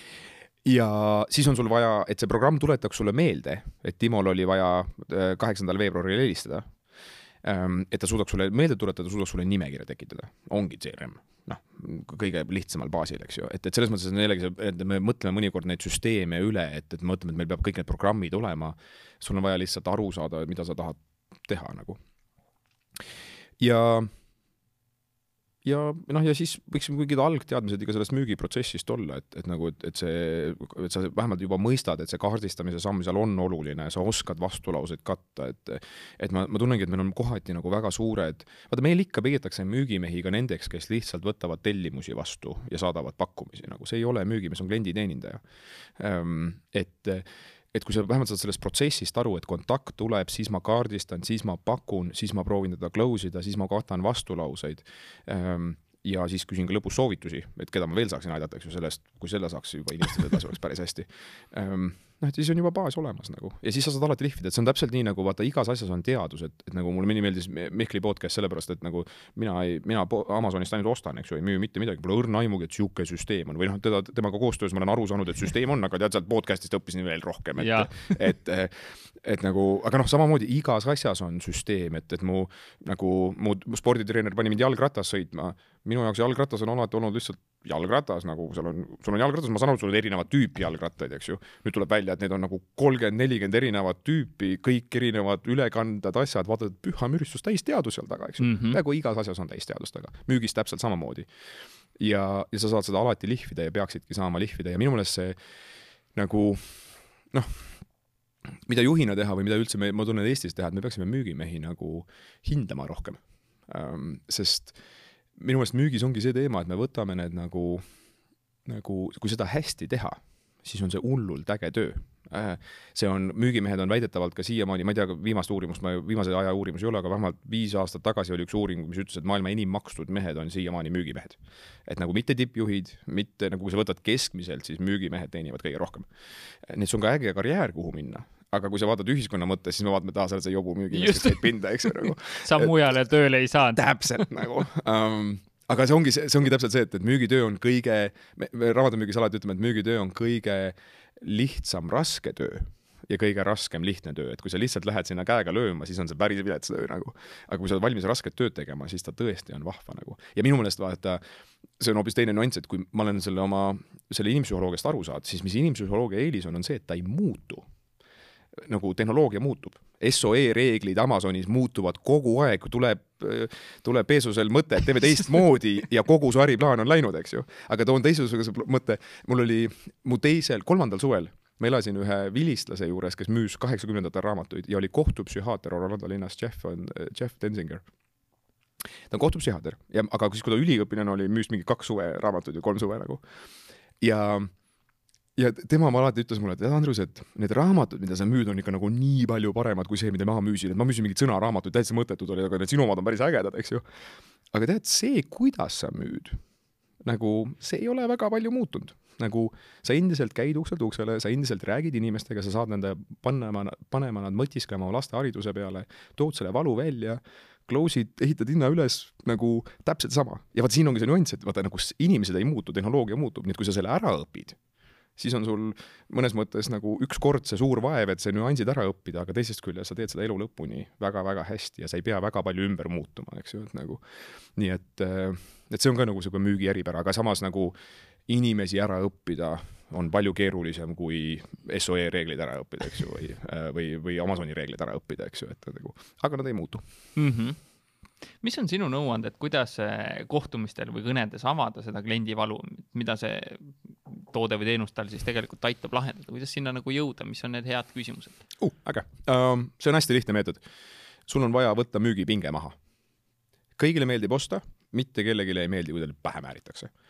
et laias laastus nagu sa pead lihtsalt nagu nii sõnades kui ka ka hinges laskma ennast sellest lepingust lahti mõnes mõttes ja lihtsalt tahtma aidata ja aru saada nagu ja sa võid seda sõnadesse ka panna, sõnadesse käib see niimoodi, et tead, Timo, mu eesmärk on täna rohkem aru saada. võimalik, et ma saan väga hästi sind aidata oma tootega, võimalik, et see ei sobi sulle üldse ähm, minu ülesanne on täna rohkem lihtsalt aru saada ja ma arvan, mul on päris mitu küsimust, nende küsimuste vastustest sa saad ilgelt ruttu ise ka aru, kas sellel on mõtet või mitte. ja las-, ja see, aga see, see töötab ainult siis, kui sa nagu päriselt ka tunned, et ja vaata, müügitöö on täpselt see, et sa ei saa kontrollida indiviidi, mina ei saa sind kontrollida, kas ostad või mitte. sa saad ainult kontrollida valimit, statistiliselt, eks ju. statistiliselt rääkides, küll ma mõnele ikka ära müün, kui ma piisavalt hästi teen, eks ju. see, kas indiviid ostab või mitte, sellel pole mingit tähtsust. Ehm, ja kui sa selle endale aru saad, siis on väga lihtne küsimusi küsida, kui sul on siiras huvi ja sul ei ole seda pinget, et ma pean sulle täna pähe määrima, sellepärast et mul on vaja ära müüa, eks ju. Ehm, nii et jah see, see on see, mis ma tunnen, et mis on kõige tähtsam inimese avamiseks, et ta tunnebki, et sa ei taha mitte küsi, sa ei küsi küsimusi nagu mul, ma ei taha, noh, vahet pole, Tele2 inimene just helistas mulle, ütles mulle, avaküsimus oli see, et Andrus, kas sa tahaksid väiksemaid arveid?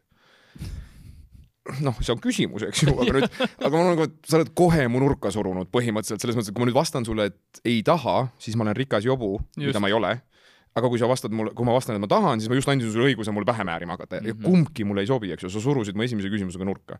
selle asemel sa ütleksid, et kuule, ma tahtsin natukene su sidearvetest rääkida, et ja, ja sidest üldse rääkida, et, et nagu ideaalis, kui sul oleks CRM ja sa ütleksid, et kuule, ma näen, et sa olid kakskümmend aastat Tele2 klient, üks kaks aastat tagasi vahetasid, et tahaks natuke kuulda, mis juhtus, eks ju. seal on nii palju asju, mida sa saaksid küsida ja vestluse lahti teha. et ähm, nii et, et, et jah, niimoodi. mul oli sõbranna ema oli Telekomis klienditeenindaja, ta oli üks paremaid müügiinimesi, ta alati müüs veel telereid ja asju sinna otsa mm. -hmm. ta lihtsalt oli siiras, ta oli lihtsalt hea inimene. täpselt, aga see ongi, aga siiras ja vaata, ma, ma alati ütlen, et, et eh, kuidas sa abikaasale, kuidas abikaasa nagu, kuidas abikaasa aru saab, et sa hoolid, mis on see kõige tähtsam asi, mida sa mehena pead tegema? No kuula. sa pead kuulama täpselt nagu, küsi lihtsalt küsimusi ja kuula, vaata see ongi see, et, et see aus ja äge inimene ei olnud midagi muud kui see inimene, kes hoolis nii palju, et ta viitsis küsida ja kuulata. ja see on müügimehe kohu poolt ka nii tähtis. aga nii tihti me paneme müügimeheks just need tüübid, kes tulevad dollarimärgid silmade ees ja ütlevad, et mul on vaja sulle pähe määrida see iga hinna eest praegusel hetkel, eks ju et ja see võtabki mõnes mõttes meil müügimaine maha, sellepärast et, et meil on need, me peame, vaata, siin on ka niisugune nüanss müügis, et kui sa sind peetakse müügimeheks ainult siis, kui sa sakid selles nagu, et kui sa oled see agressiivne, tüütu, pealetükkiv müügimees, siis sa oled müügimees.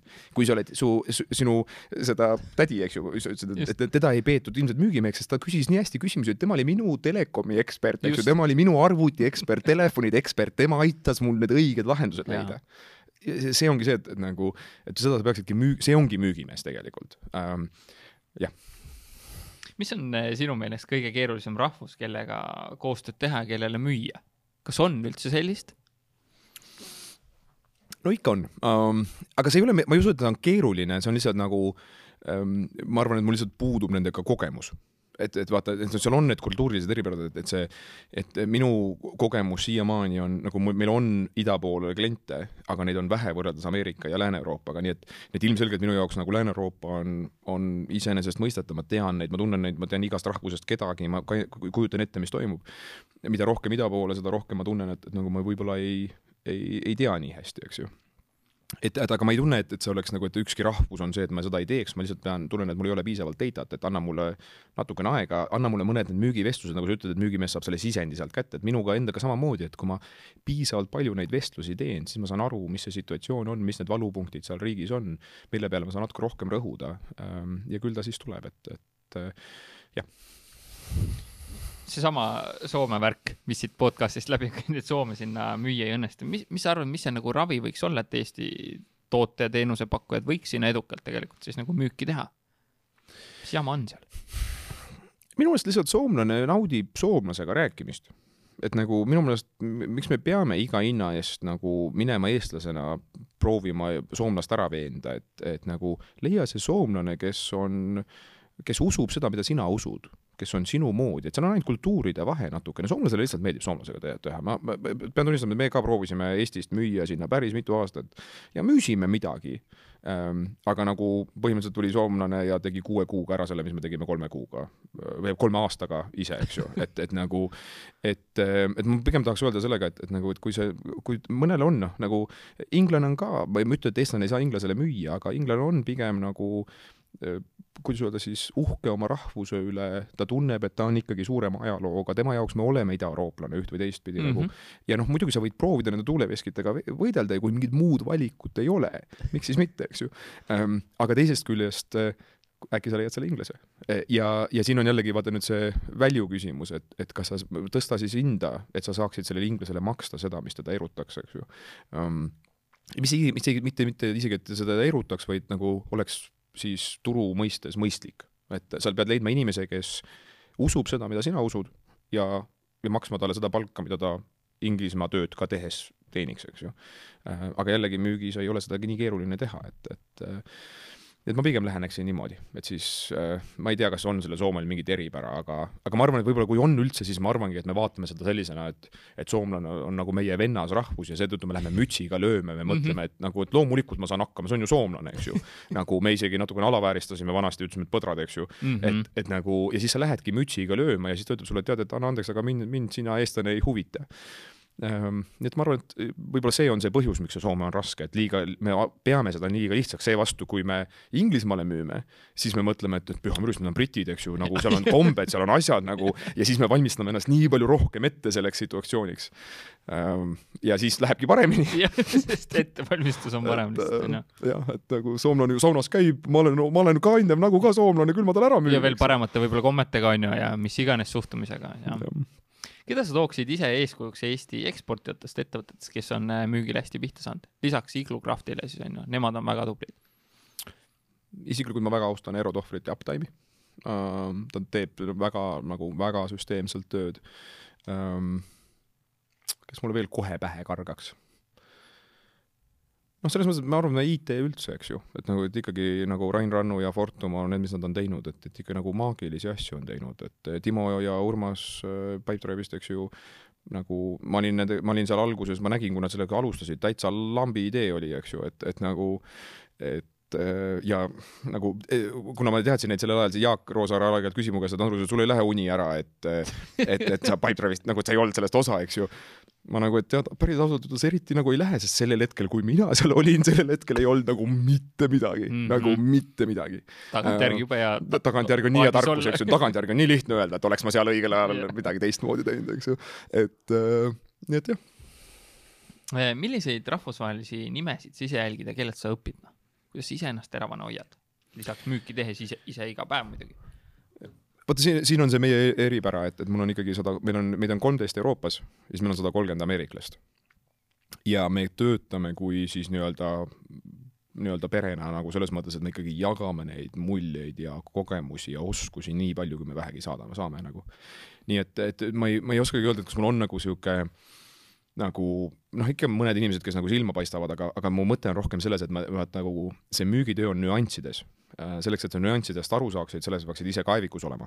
Äh, ja, ja seetõttu nagu, et need nimed, mida ma sulle mainiksin, need ei ütle sulle midagi, need isegi kui sa guugeldad, no ma ei tea, LinkedInis tulevad välja, aga mm, -hmm. aga, aga nad ei ole nagu need selle industry superstaarid, eks ju, sellepärast et nad teevad lihtsalt seda müügitööd, aga ma näen, sa näevad neid nüansse, nad saavad neid nüanssidest aru ma nii nautisin seda, meil kaks korda aastas käib, noh, kaks korda aastas käisime Nashville'is, nüüd me striimime sisse. Ehm, aga kui me käisime Nashville'is, siis ehm, meil New Yorgis on Dana Bodhoff, äh, kes müüs kunagi raamatuid ja nüüd on praegu meie rekordi omanik nagu ja mida me nii nautisime, see, et ta lihtsalt lasi ühte oma lindistust vestlusest kliendiga, äh, müügivestlusest nagu, ja, ja siis ta peatas nagu lingi ja tõi paralleele nagu raamatumüügist ja tõi paralleele ühest teisest valdkonnast, kus ta ennem töötas ja ütles, et vaadake, see on seesama situatsioon teises vormis, aga täpselt seesama situatsioon nagu. ja nagu selle nimel ma elan, sest see on täpselt see, et sa näed, kuidas nagu, nagu, nagu need nüansid, millest sa seal aru saad, millest, millest enamus inimesi noh, nagu see läheb neile nagu täiesti mööda. nagu nad isegi ei pane tähele seda. üks, mu, ma toon sulle näite, mu värbamise metoodika on see, et ma suhteliselt varakult saadan neile, sellele kandidaadile oma äh, selle mooduli, kuidas telefonis rääkida, et kuidas telefonis esmakontakti luua, kuidas sa telefonis inimesi kuulama saad. ja mida ma otsin, on see, et, et kas ta saab nüanssidest aru või mitte. mu tüüpiline keskmine inimene tuleb tagasi, ütleb, et ei, see on kind of seesama asi, mida ma teen. ja seesama Soome mees tuli kes oli nagu müünud miljardi eest nagu kolmkümmend aastat müügikogemust, eks ju. ja see tuli tagasi, ütles, et Andrus, mine muhvi, ma olen kolmeteistkümnendast eluaastast müünud ja ma pole veel sihukest telefoniteksti näinud, nagu ma olen juba müünud kaks klienti, sellepärast ma hakkasin seda eile kasutama nagu. nagu saad aru, see tähendab seda, et ta suudab näha seda teksti ja näha, mis selle taga on tavainimene lihtsalt vaatab, et noh, sama nagu noh, see on nagu, aga see on igas valdkonnas niimoodi, et et nagu üks vaatab, et sõidab mootorrattaga teine vaatab, et vaata, mis ta seal tegi, pani nagu seal kohas, puudutas korraks sidurit, eks ju. aga selleks sa pead nagu neid nüansse, sa pead sellel tasemel olema, et sa sellest üldse aru saad, et see on, mis mind käima tõmbab küll nagu. kuidas teil omavahel neid teadmisi jagatakse, kas kõikide nende müügiinimeste vahel, kas seal on nagu mingi wiki on tekkinud või wiki ongi? Mm -hmm. jah äh,, kindlasti jah äh,, wiki on, konverentsikõned on Äh, siis kaks korda aastas seminar äh, ja loomulikult Facebooki grupid ja vahetud nagu rääkimised, et, et nagu ähm, ja noh, meile kõik tuleme, vaata, me oleme top kolm protsenti müügis kindlast valdkonnast, nii et kui ma alguses alustasin, siis kinnisvaras meil on Angie Moss, kes on terve oma elu kinnisvara teinud ja top kolm protsenti selles Ameerikas olnud, eks ju.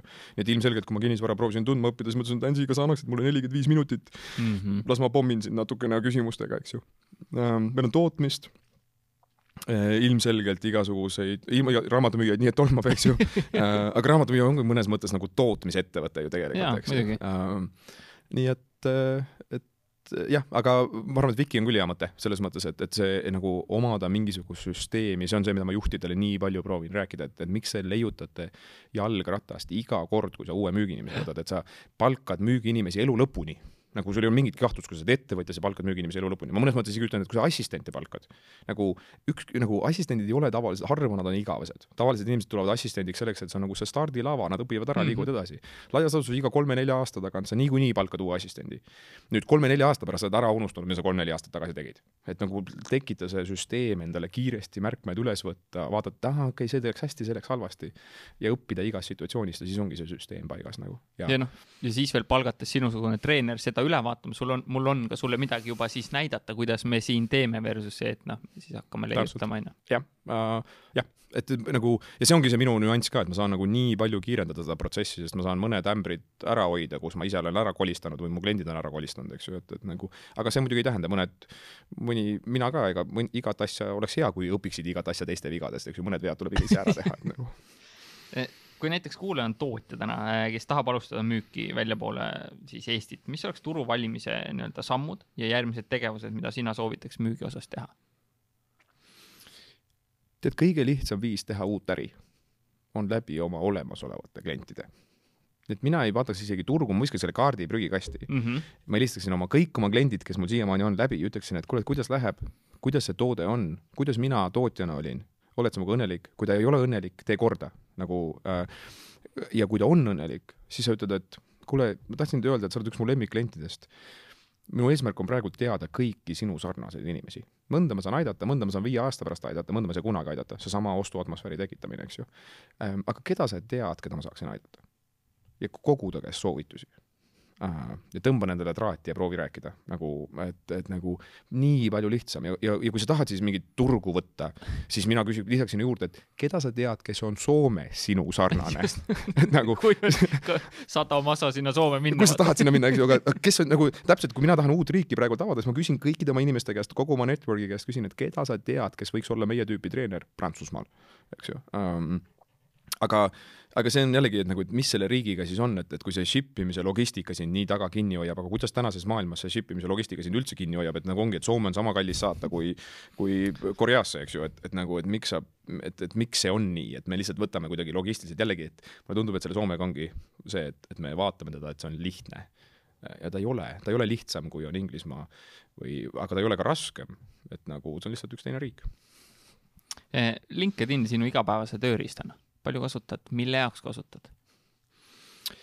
ma teen teistmoodi natukene, vaat sinna läheb nüüd turunduse, turundusvaldkonda. Äh, meie süsteem on teistmoodi, vaat nüüd on sama selle soovitustega, eks ju, kui sa turundada tahad, siis sa tahad LinkedInis olla nii paljude inimestega connect'id kui vähegi võimalik, eks ju. mina tahan küsida soovitusi, nii et siis mina viskan minema ja ei, ei võta vastu inimesi, keda ma ei tea. Äh, ja kui ma neid ei tea, siis ma küsin, miks sa tahad mm, -hmm. siis ma lasen tal, vaatan, mida ta kirjutab ja kui ta midagi mõistlikku ei kirjuta, siis ma ikkagi ei võta teda ähm,. mida ma tahan teha, on see, et minu LinkedIni network oleks niisugune, et ma päriselt võiksingi, kui ma vaatan, et sina tunned kedagi, keda mina ei tunne, siis ma võiksingi, Timo, sulle helistada ja küsida, et kuule, et kas sa tead ka seda inimest, on sul ta telefoninumber nagu mm? -hmm nii et ma kasutan seda just selleks nagu, et, et see lihtsustab soovituste küsimist, ma tulen sinuga kokku saama, ma lähen võtan nimekirjast välja, keda sa tead, keda mind, keda mind huvitab ja siis ma küsin viisakalt ja ilusasti hea ostuatmosfääriga, et, et äkki ma saan neid aidata um,. nii et ma kasutan seda natukene jah, teises, teises võtmes um, kui tüüpiline turundus, aga ma küll kasutan seda just selle, selle jaoks um,, noh, ja siis lihtsalt, et pildis olla uh, kui ma päris aus olen, siis mu sekretär haldab seda, et mina puutun sinna ainult siis, kui on vaja, eks ju, et, et nagu, et esimese kontakti teeb tema ära, tema haldab, tema võtab mu listi sealt välja ähm,. et ma tegelikult ei ole seal väga aktiivne ähm,. aga siis, kui vestlused lähevad nii sisukaks, et mul on vaja sekkuda, siis ta annab mulle märku, ütleb, et, et kuule, et, et vaata, seal on üks inimene, kes tahab sinuga rääkida ähm,. nii et mulle ta väga meeldib, selles mõttes ma arvan, et LinkedIn on nagu just nagu ekspordi mõttes, noh, oleneb jällegi riikidest, eks ju, on osa riikides, kus ta üldse ei tööta ähm,, aga kui, kui nendes riikides, kus sa tahad minna, on LinkedIn, siis on see väga mõnus tööriist aru saamaks, kes keda tunneb. et, et ta on nagu, ma isiklikult arvan, et sotsiaalmeedia on teinud maailma väga palju halvemaks, mitte paremaks. aga LinkedIn on see väike erand sealjuures, eks ju, et, et kõik ülejäänud nagu minu meelest nagu, ma ei tea, et, et seal on omad plussid, aga nii palju miinuseid kui palju sa näed, et müüki üldse saab automatiseerida ja kas üldse peab automatiseerima? ikka peab, kõike, mida saab automatiseerida, tulekski automatiseerida, vot siin ongi see aja võitmise koht, et, et nagu, et et, et nagu see nagu mingid e-kirjad, struktuur, süsteem, mida saab kiiremini salvestada, et see, et see, et Pipedrive võtab emailid kohe täiega nagu, et see, see võidab nii palju tööd, sa saad säästa sellega, kui sul on lihtsalt automisatsioon olemas.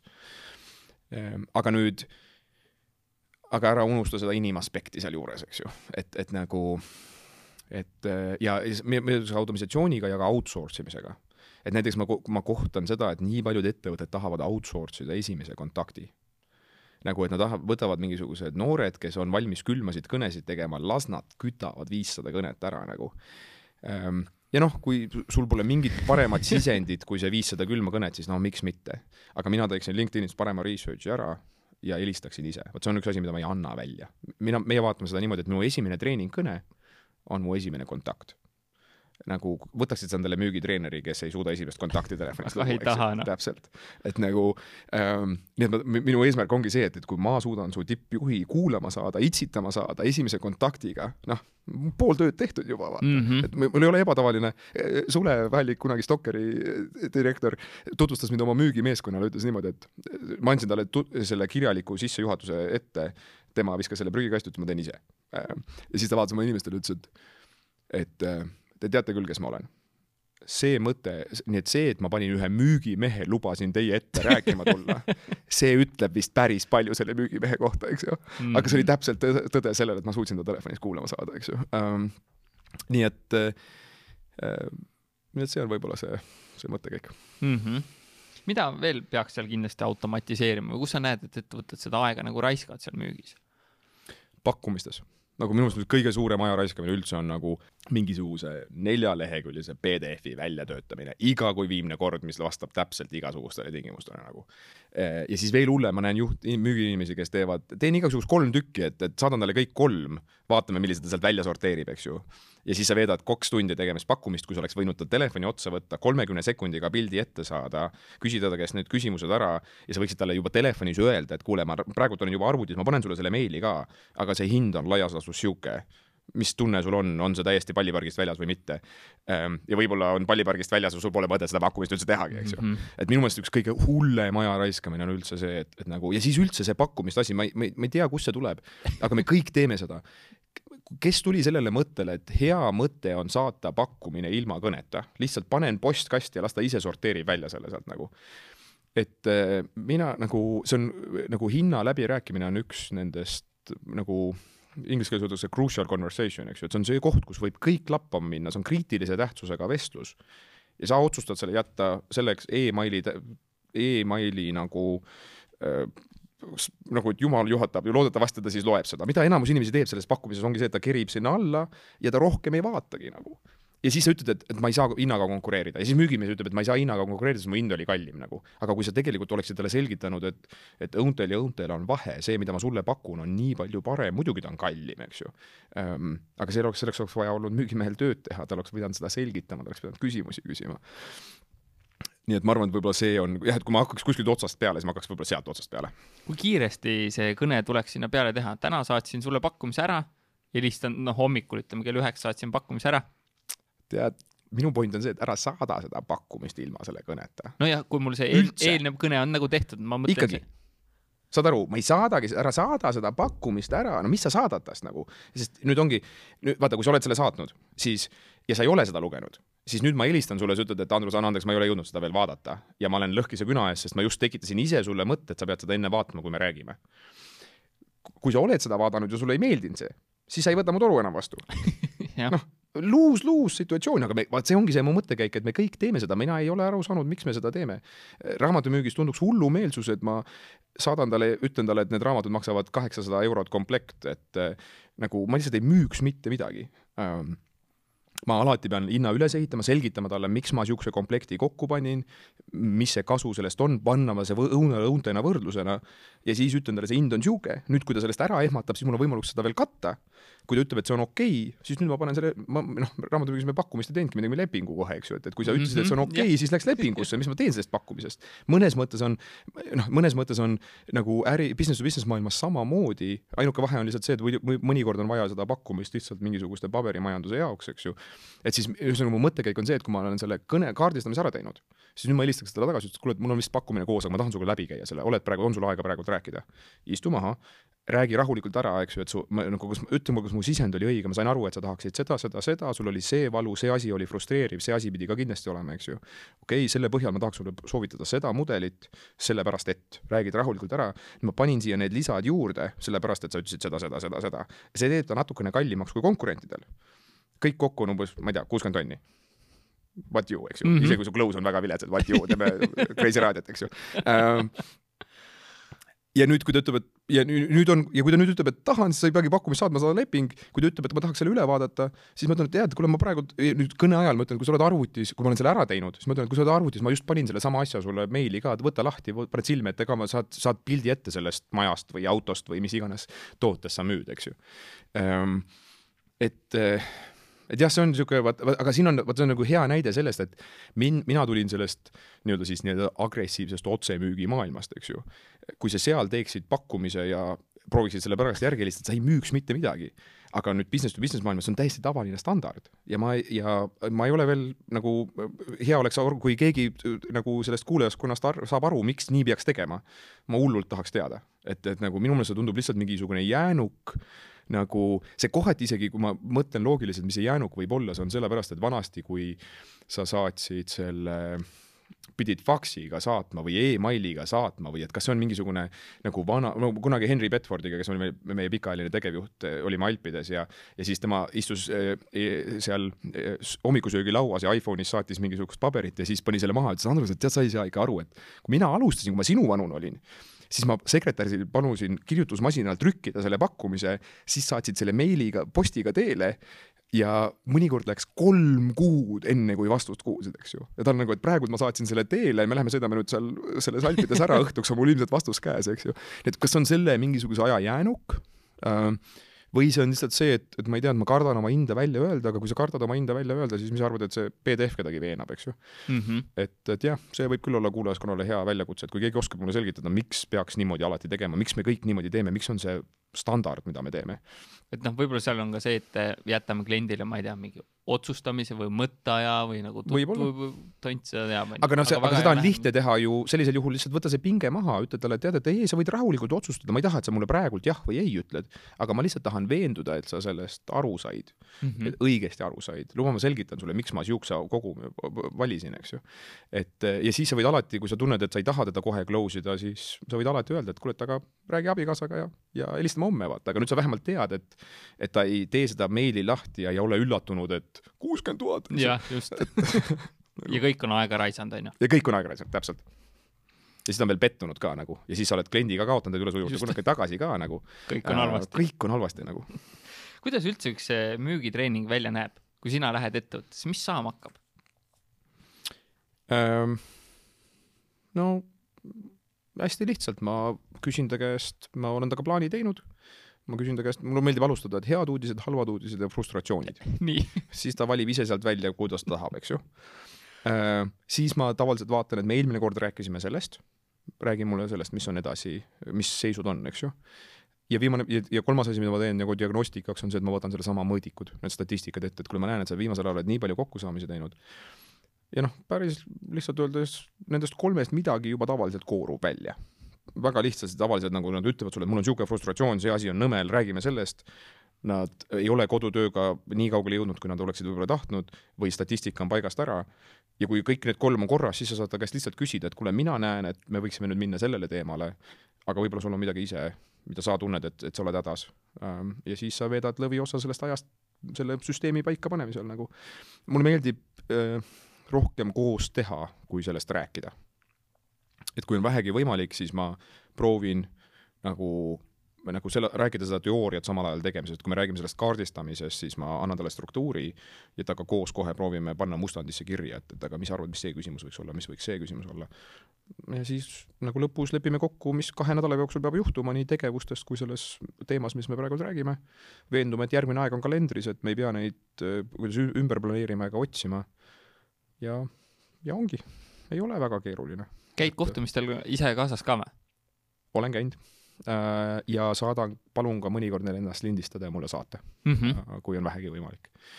ja äh, jah, et olen käinud küll, käinud küll, see on muidugi ajakulukas ja seal on täpselt see piir, kus läheb nagu võib-olla natuke liiga paljuks, aga samal ajal jällegi seesama mõte, et, et üks põllupäev annab sulle rohkem kui sada üks-ühele vestlust, et, et mõnikord ühe lindistuse kuulamine annab sulle rohkem kui aasta otsa treenida ja teooriat rääkida ja proovida aru saada, et kui sa tihtipeale kuulad, mida nad teevad, me kutsume seda põllupäeva tihtipeale selleks IC days sest sa lähed sinna ja ütled, et aa, I see mm. nagu sellepärast nagu, et, et nagu raamatumüügis mul oli nii palju seda, et, et nagu mulle tundus, et nagu mu meeskonnas, eks ju, mingi noor kutt nagu täitsa normaalne näeb välja, kui ma temaga harjutan, siis nagu teeb jumalast hästi müügiteksti, nagu kõik peaks korras olema, ei müü mitte midagi ja siis lähed temaga põllupäevale ja siis on nagu, et aa, ma saan aru küll nagu, et nagu muidugi sa ei müü mitte midagi, eks ju nii et selles mõttes mõnikord on see, et me proovime jällegi nagu, juhid ka, mulle tundub, et nad proovivad nagu nii palju lahti mõtestada kaugelt, et kuidas, mis seal toimub,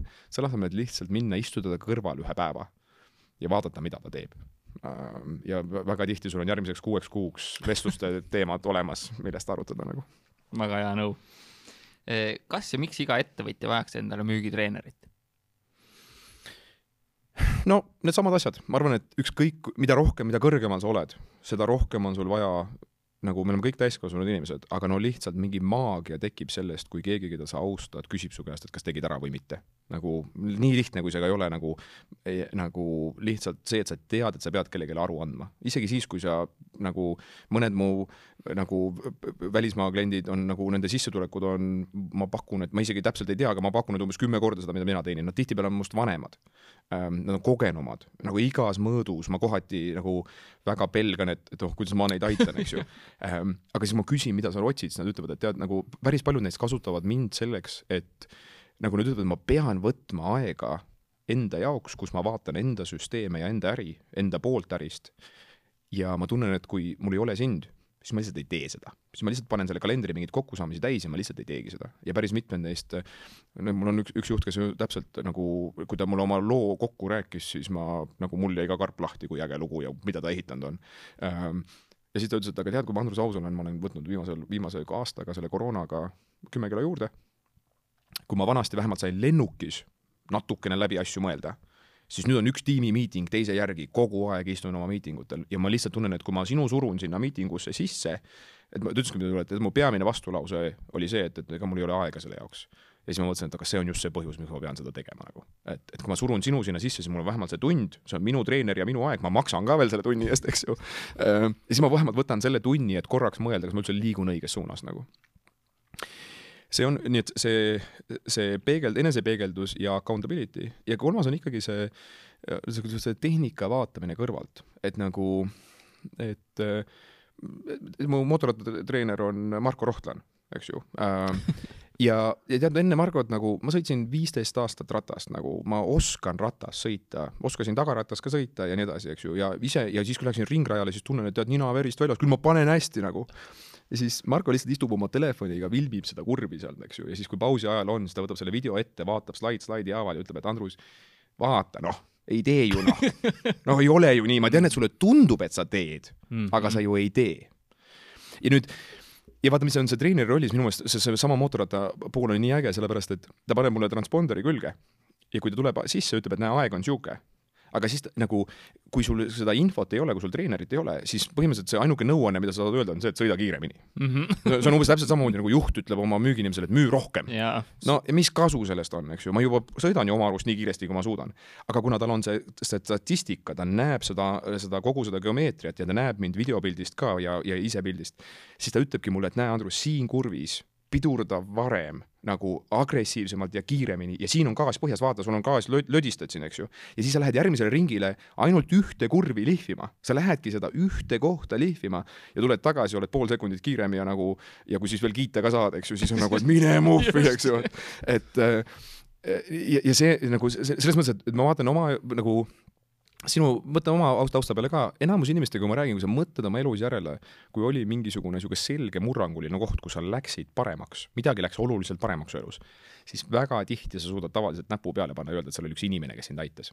see mm -hmm. ei mhm. olnud tavaliselt raamat, mida sa lugesid. raamatute lugemine on äge, aga kuna seda accountability't ei ole ja praktikat ei ole, siis ta ei lähe nii hästi paika. seal tavaliselt on keegi, kes sind mentoris, keegi, kes yeah. ütles nagu, see võis olla su isa, see võis olla su abikaasa mõnikord. või klient. või klient, eks ju. aga seal oli keegi, kes võttis su ette, ütles, et oot-oot-oot, Andrus, ära nii tee ähm,. nii et nõus, väga nõus. jah, see on äge mina nüüdseks nagu ma tahan treeneri võtta igaks, igaks asjaks nagu, et ma mõtlengi, et miks ma istun seal Youtube'is ja proovin sellest ise Just. aru saada, kui maksa lihtsalt sellele inimesele ta tunnipalk, ta tavaliselt ei küsi üldse nii palju raha ja las ta vaatab korraks su tehnikat ja ütleb, tee seda nagu. mina ka oma elus võtsin esimest korda nagu, kui ma hakkasin spordialaga teadlikumalt tegelema jooksmisega, võtsin esimest korda treeneri, tegin nullist viieteist kuuga saja kilomeetri mehe aitäh, Kaupo. no täpselt uh,. selle asemel, et lugeda, no isegi kujutaks ette. ma ei, nagu, ma oleks ma kõik vead teinud, ma oleks tõenäoliselt vigaseks jooksnud, isu ära jooksnud ja nii edasi ja nii edasi, onju. ja siis oleksid ütelnud, et mina ei ole jooksja. just, pole mulle. ja mul müügis öelda, vaata kui tihti meile öeldakse, et mina ei ole müügimees Mm -hmm. nagu, aga tegelikult see ei ole, mis ma olen nagu, mul on mõnikord inimesed ütlevad, et Andrus, ma saan aru, kuidas sulle tuleb hästi, aga, aga mina ei ole müügimees ja mul on nagu, et kas sa, kui sa, mul siiamaani Eh, Sille eh, ja, ja Joe, kes olid mu juhid esimesel aastal, kui ma olin raamatumüüja, eks ju. Joe siiamaani ütleb mulle, et, et Andrus nagu, kuidas sa nii palju müüd, et sa ei saa aru, kui vilets nagu, ja ta ei kasuta sõna vilets, ta kasutab hullemat sõna, sa esimesel aastal olid nagu, et püha müristus, nagu sa ei saanud mitte muhvigi aru um, ja aga, aga see ongi see, et see ei ole nagu, kindlasti ma ei ole andekas selles teemas, et see on, see on puhtalt lihtsalt ma nagu võtsin selle oma valdkonnaks, mul olid inimesed, kes mind mentorisid ähm,. ja ma viitsisin järjepidev olles ära õppida, sest ma vaatasin, et ma tahan seda õppida, eks ju, nagu. Aga samamoodi nagu noh, ja väga tihti sa näed sedasama lugu äh, igal pool mul on siia lõppu ainult üks küsimus, kui mõni kuulaja nüüd tundis ära, tal on vaja sellist treenerit nagu sina kas ta saab sinuga üldse ühendust võtta, kas teil on Mõlgi. ruumi ja, ja kus, mis kanali kaudu või kus sind leiab? ma arvan, et LinkedIn on võib-olla kõige lihtsam, eks ju, LinkedIni sõnumina on igaüks, kui toksib sisse Andrus Albi, siis seal ma olen ähm,. Mu leebi, andrusalbi s kaks siis wc.com on mu otselehekülg ähm, mu telefon, kui sa guugeldad Andrus Albit, siis ma olen kindel, et mu telefoninumber tuleb välja, et ma ei ole, ma meelega hoian ennast suhteliselt avatud.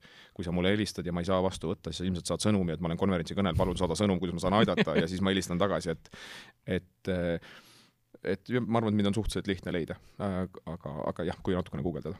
ja kindlasti meil on ruumi ähm, selles mõttes, et me värbame kogu aeg uusi treenereid ja ja me ei hoia oma, nagu mõned inimesed jäävad aastateks ja aastateks, aga kõik inimesed ei jää aastateks, et selles mõttes mu eesmärk on ikkagi väga palju inimesi aidata nii ruttu, kui ma saan. ja, ja tavaliselt see ei ole nagu, nagu see on pikk protsess, et sul ei ole kaks päeva, aga see ei ole ka see, et, et nagu et sa nagu põhitaseme, me saame iga aastaga sind väga palju paremaks. nüüd, kui sa tahad nagu selleks väga heaks saada, siis võib-olla tõesti läheb rohkem, aga mm, -hmm. aga noh, tavaliselt siis on juba rahanumbrid juba tulevad sisse, sul on juba vahva olla, et, et mm -hmm. nagu, et, et jah kuule, aga Andrus suured,, suured-suured tänud, et sa Ekspordime podcasti tulid ja suur tänu, et sa Eesti müügiinimesi paremaks treenid, aitäh sulle! aitäh sulle! tänud, et sa oled selle podcasti lõpuni kuulanud. Enne kui sa ära lähed, kui sa tahad korralikult läbimõeldud veebilehte, mis aitab äh, sul müüki kasvatada ja oleks siis heaks eelduseks, kui sa tahad minna välisturgudele või sul on mõni muu turundusalane väljakutse, siis äh, mine lavi.ee ja vaata, võib-olla saame sulle abiks olla.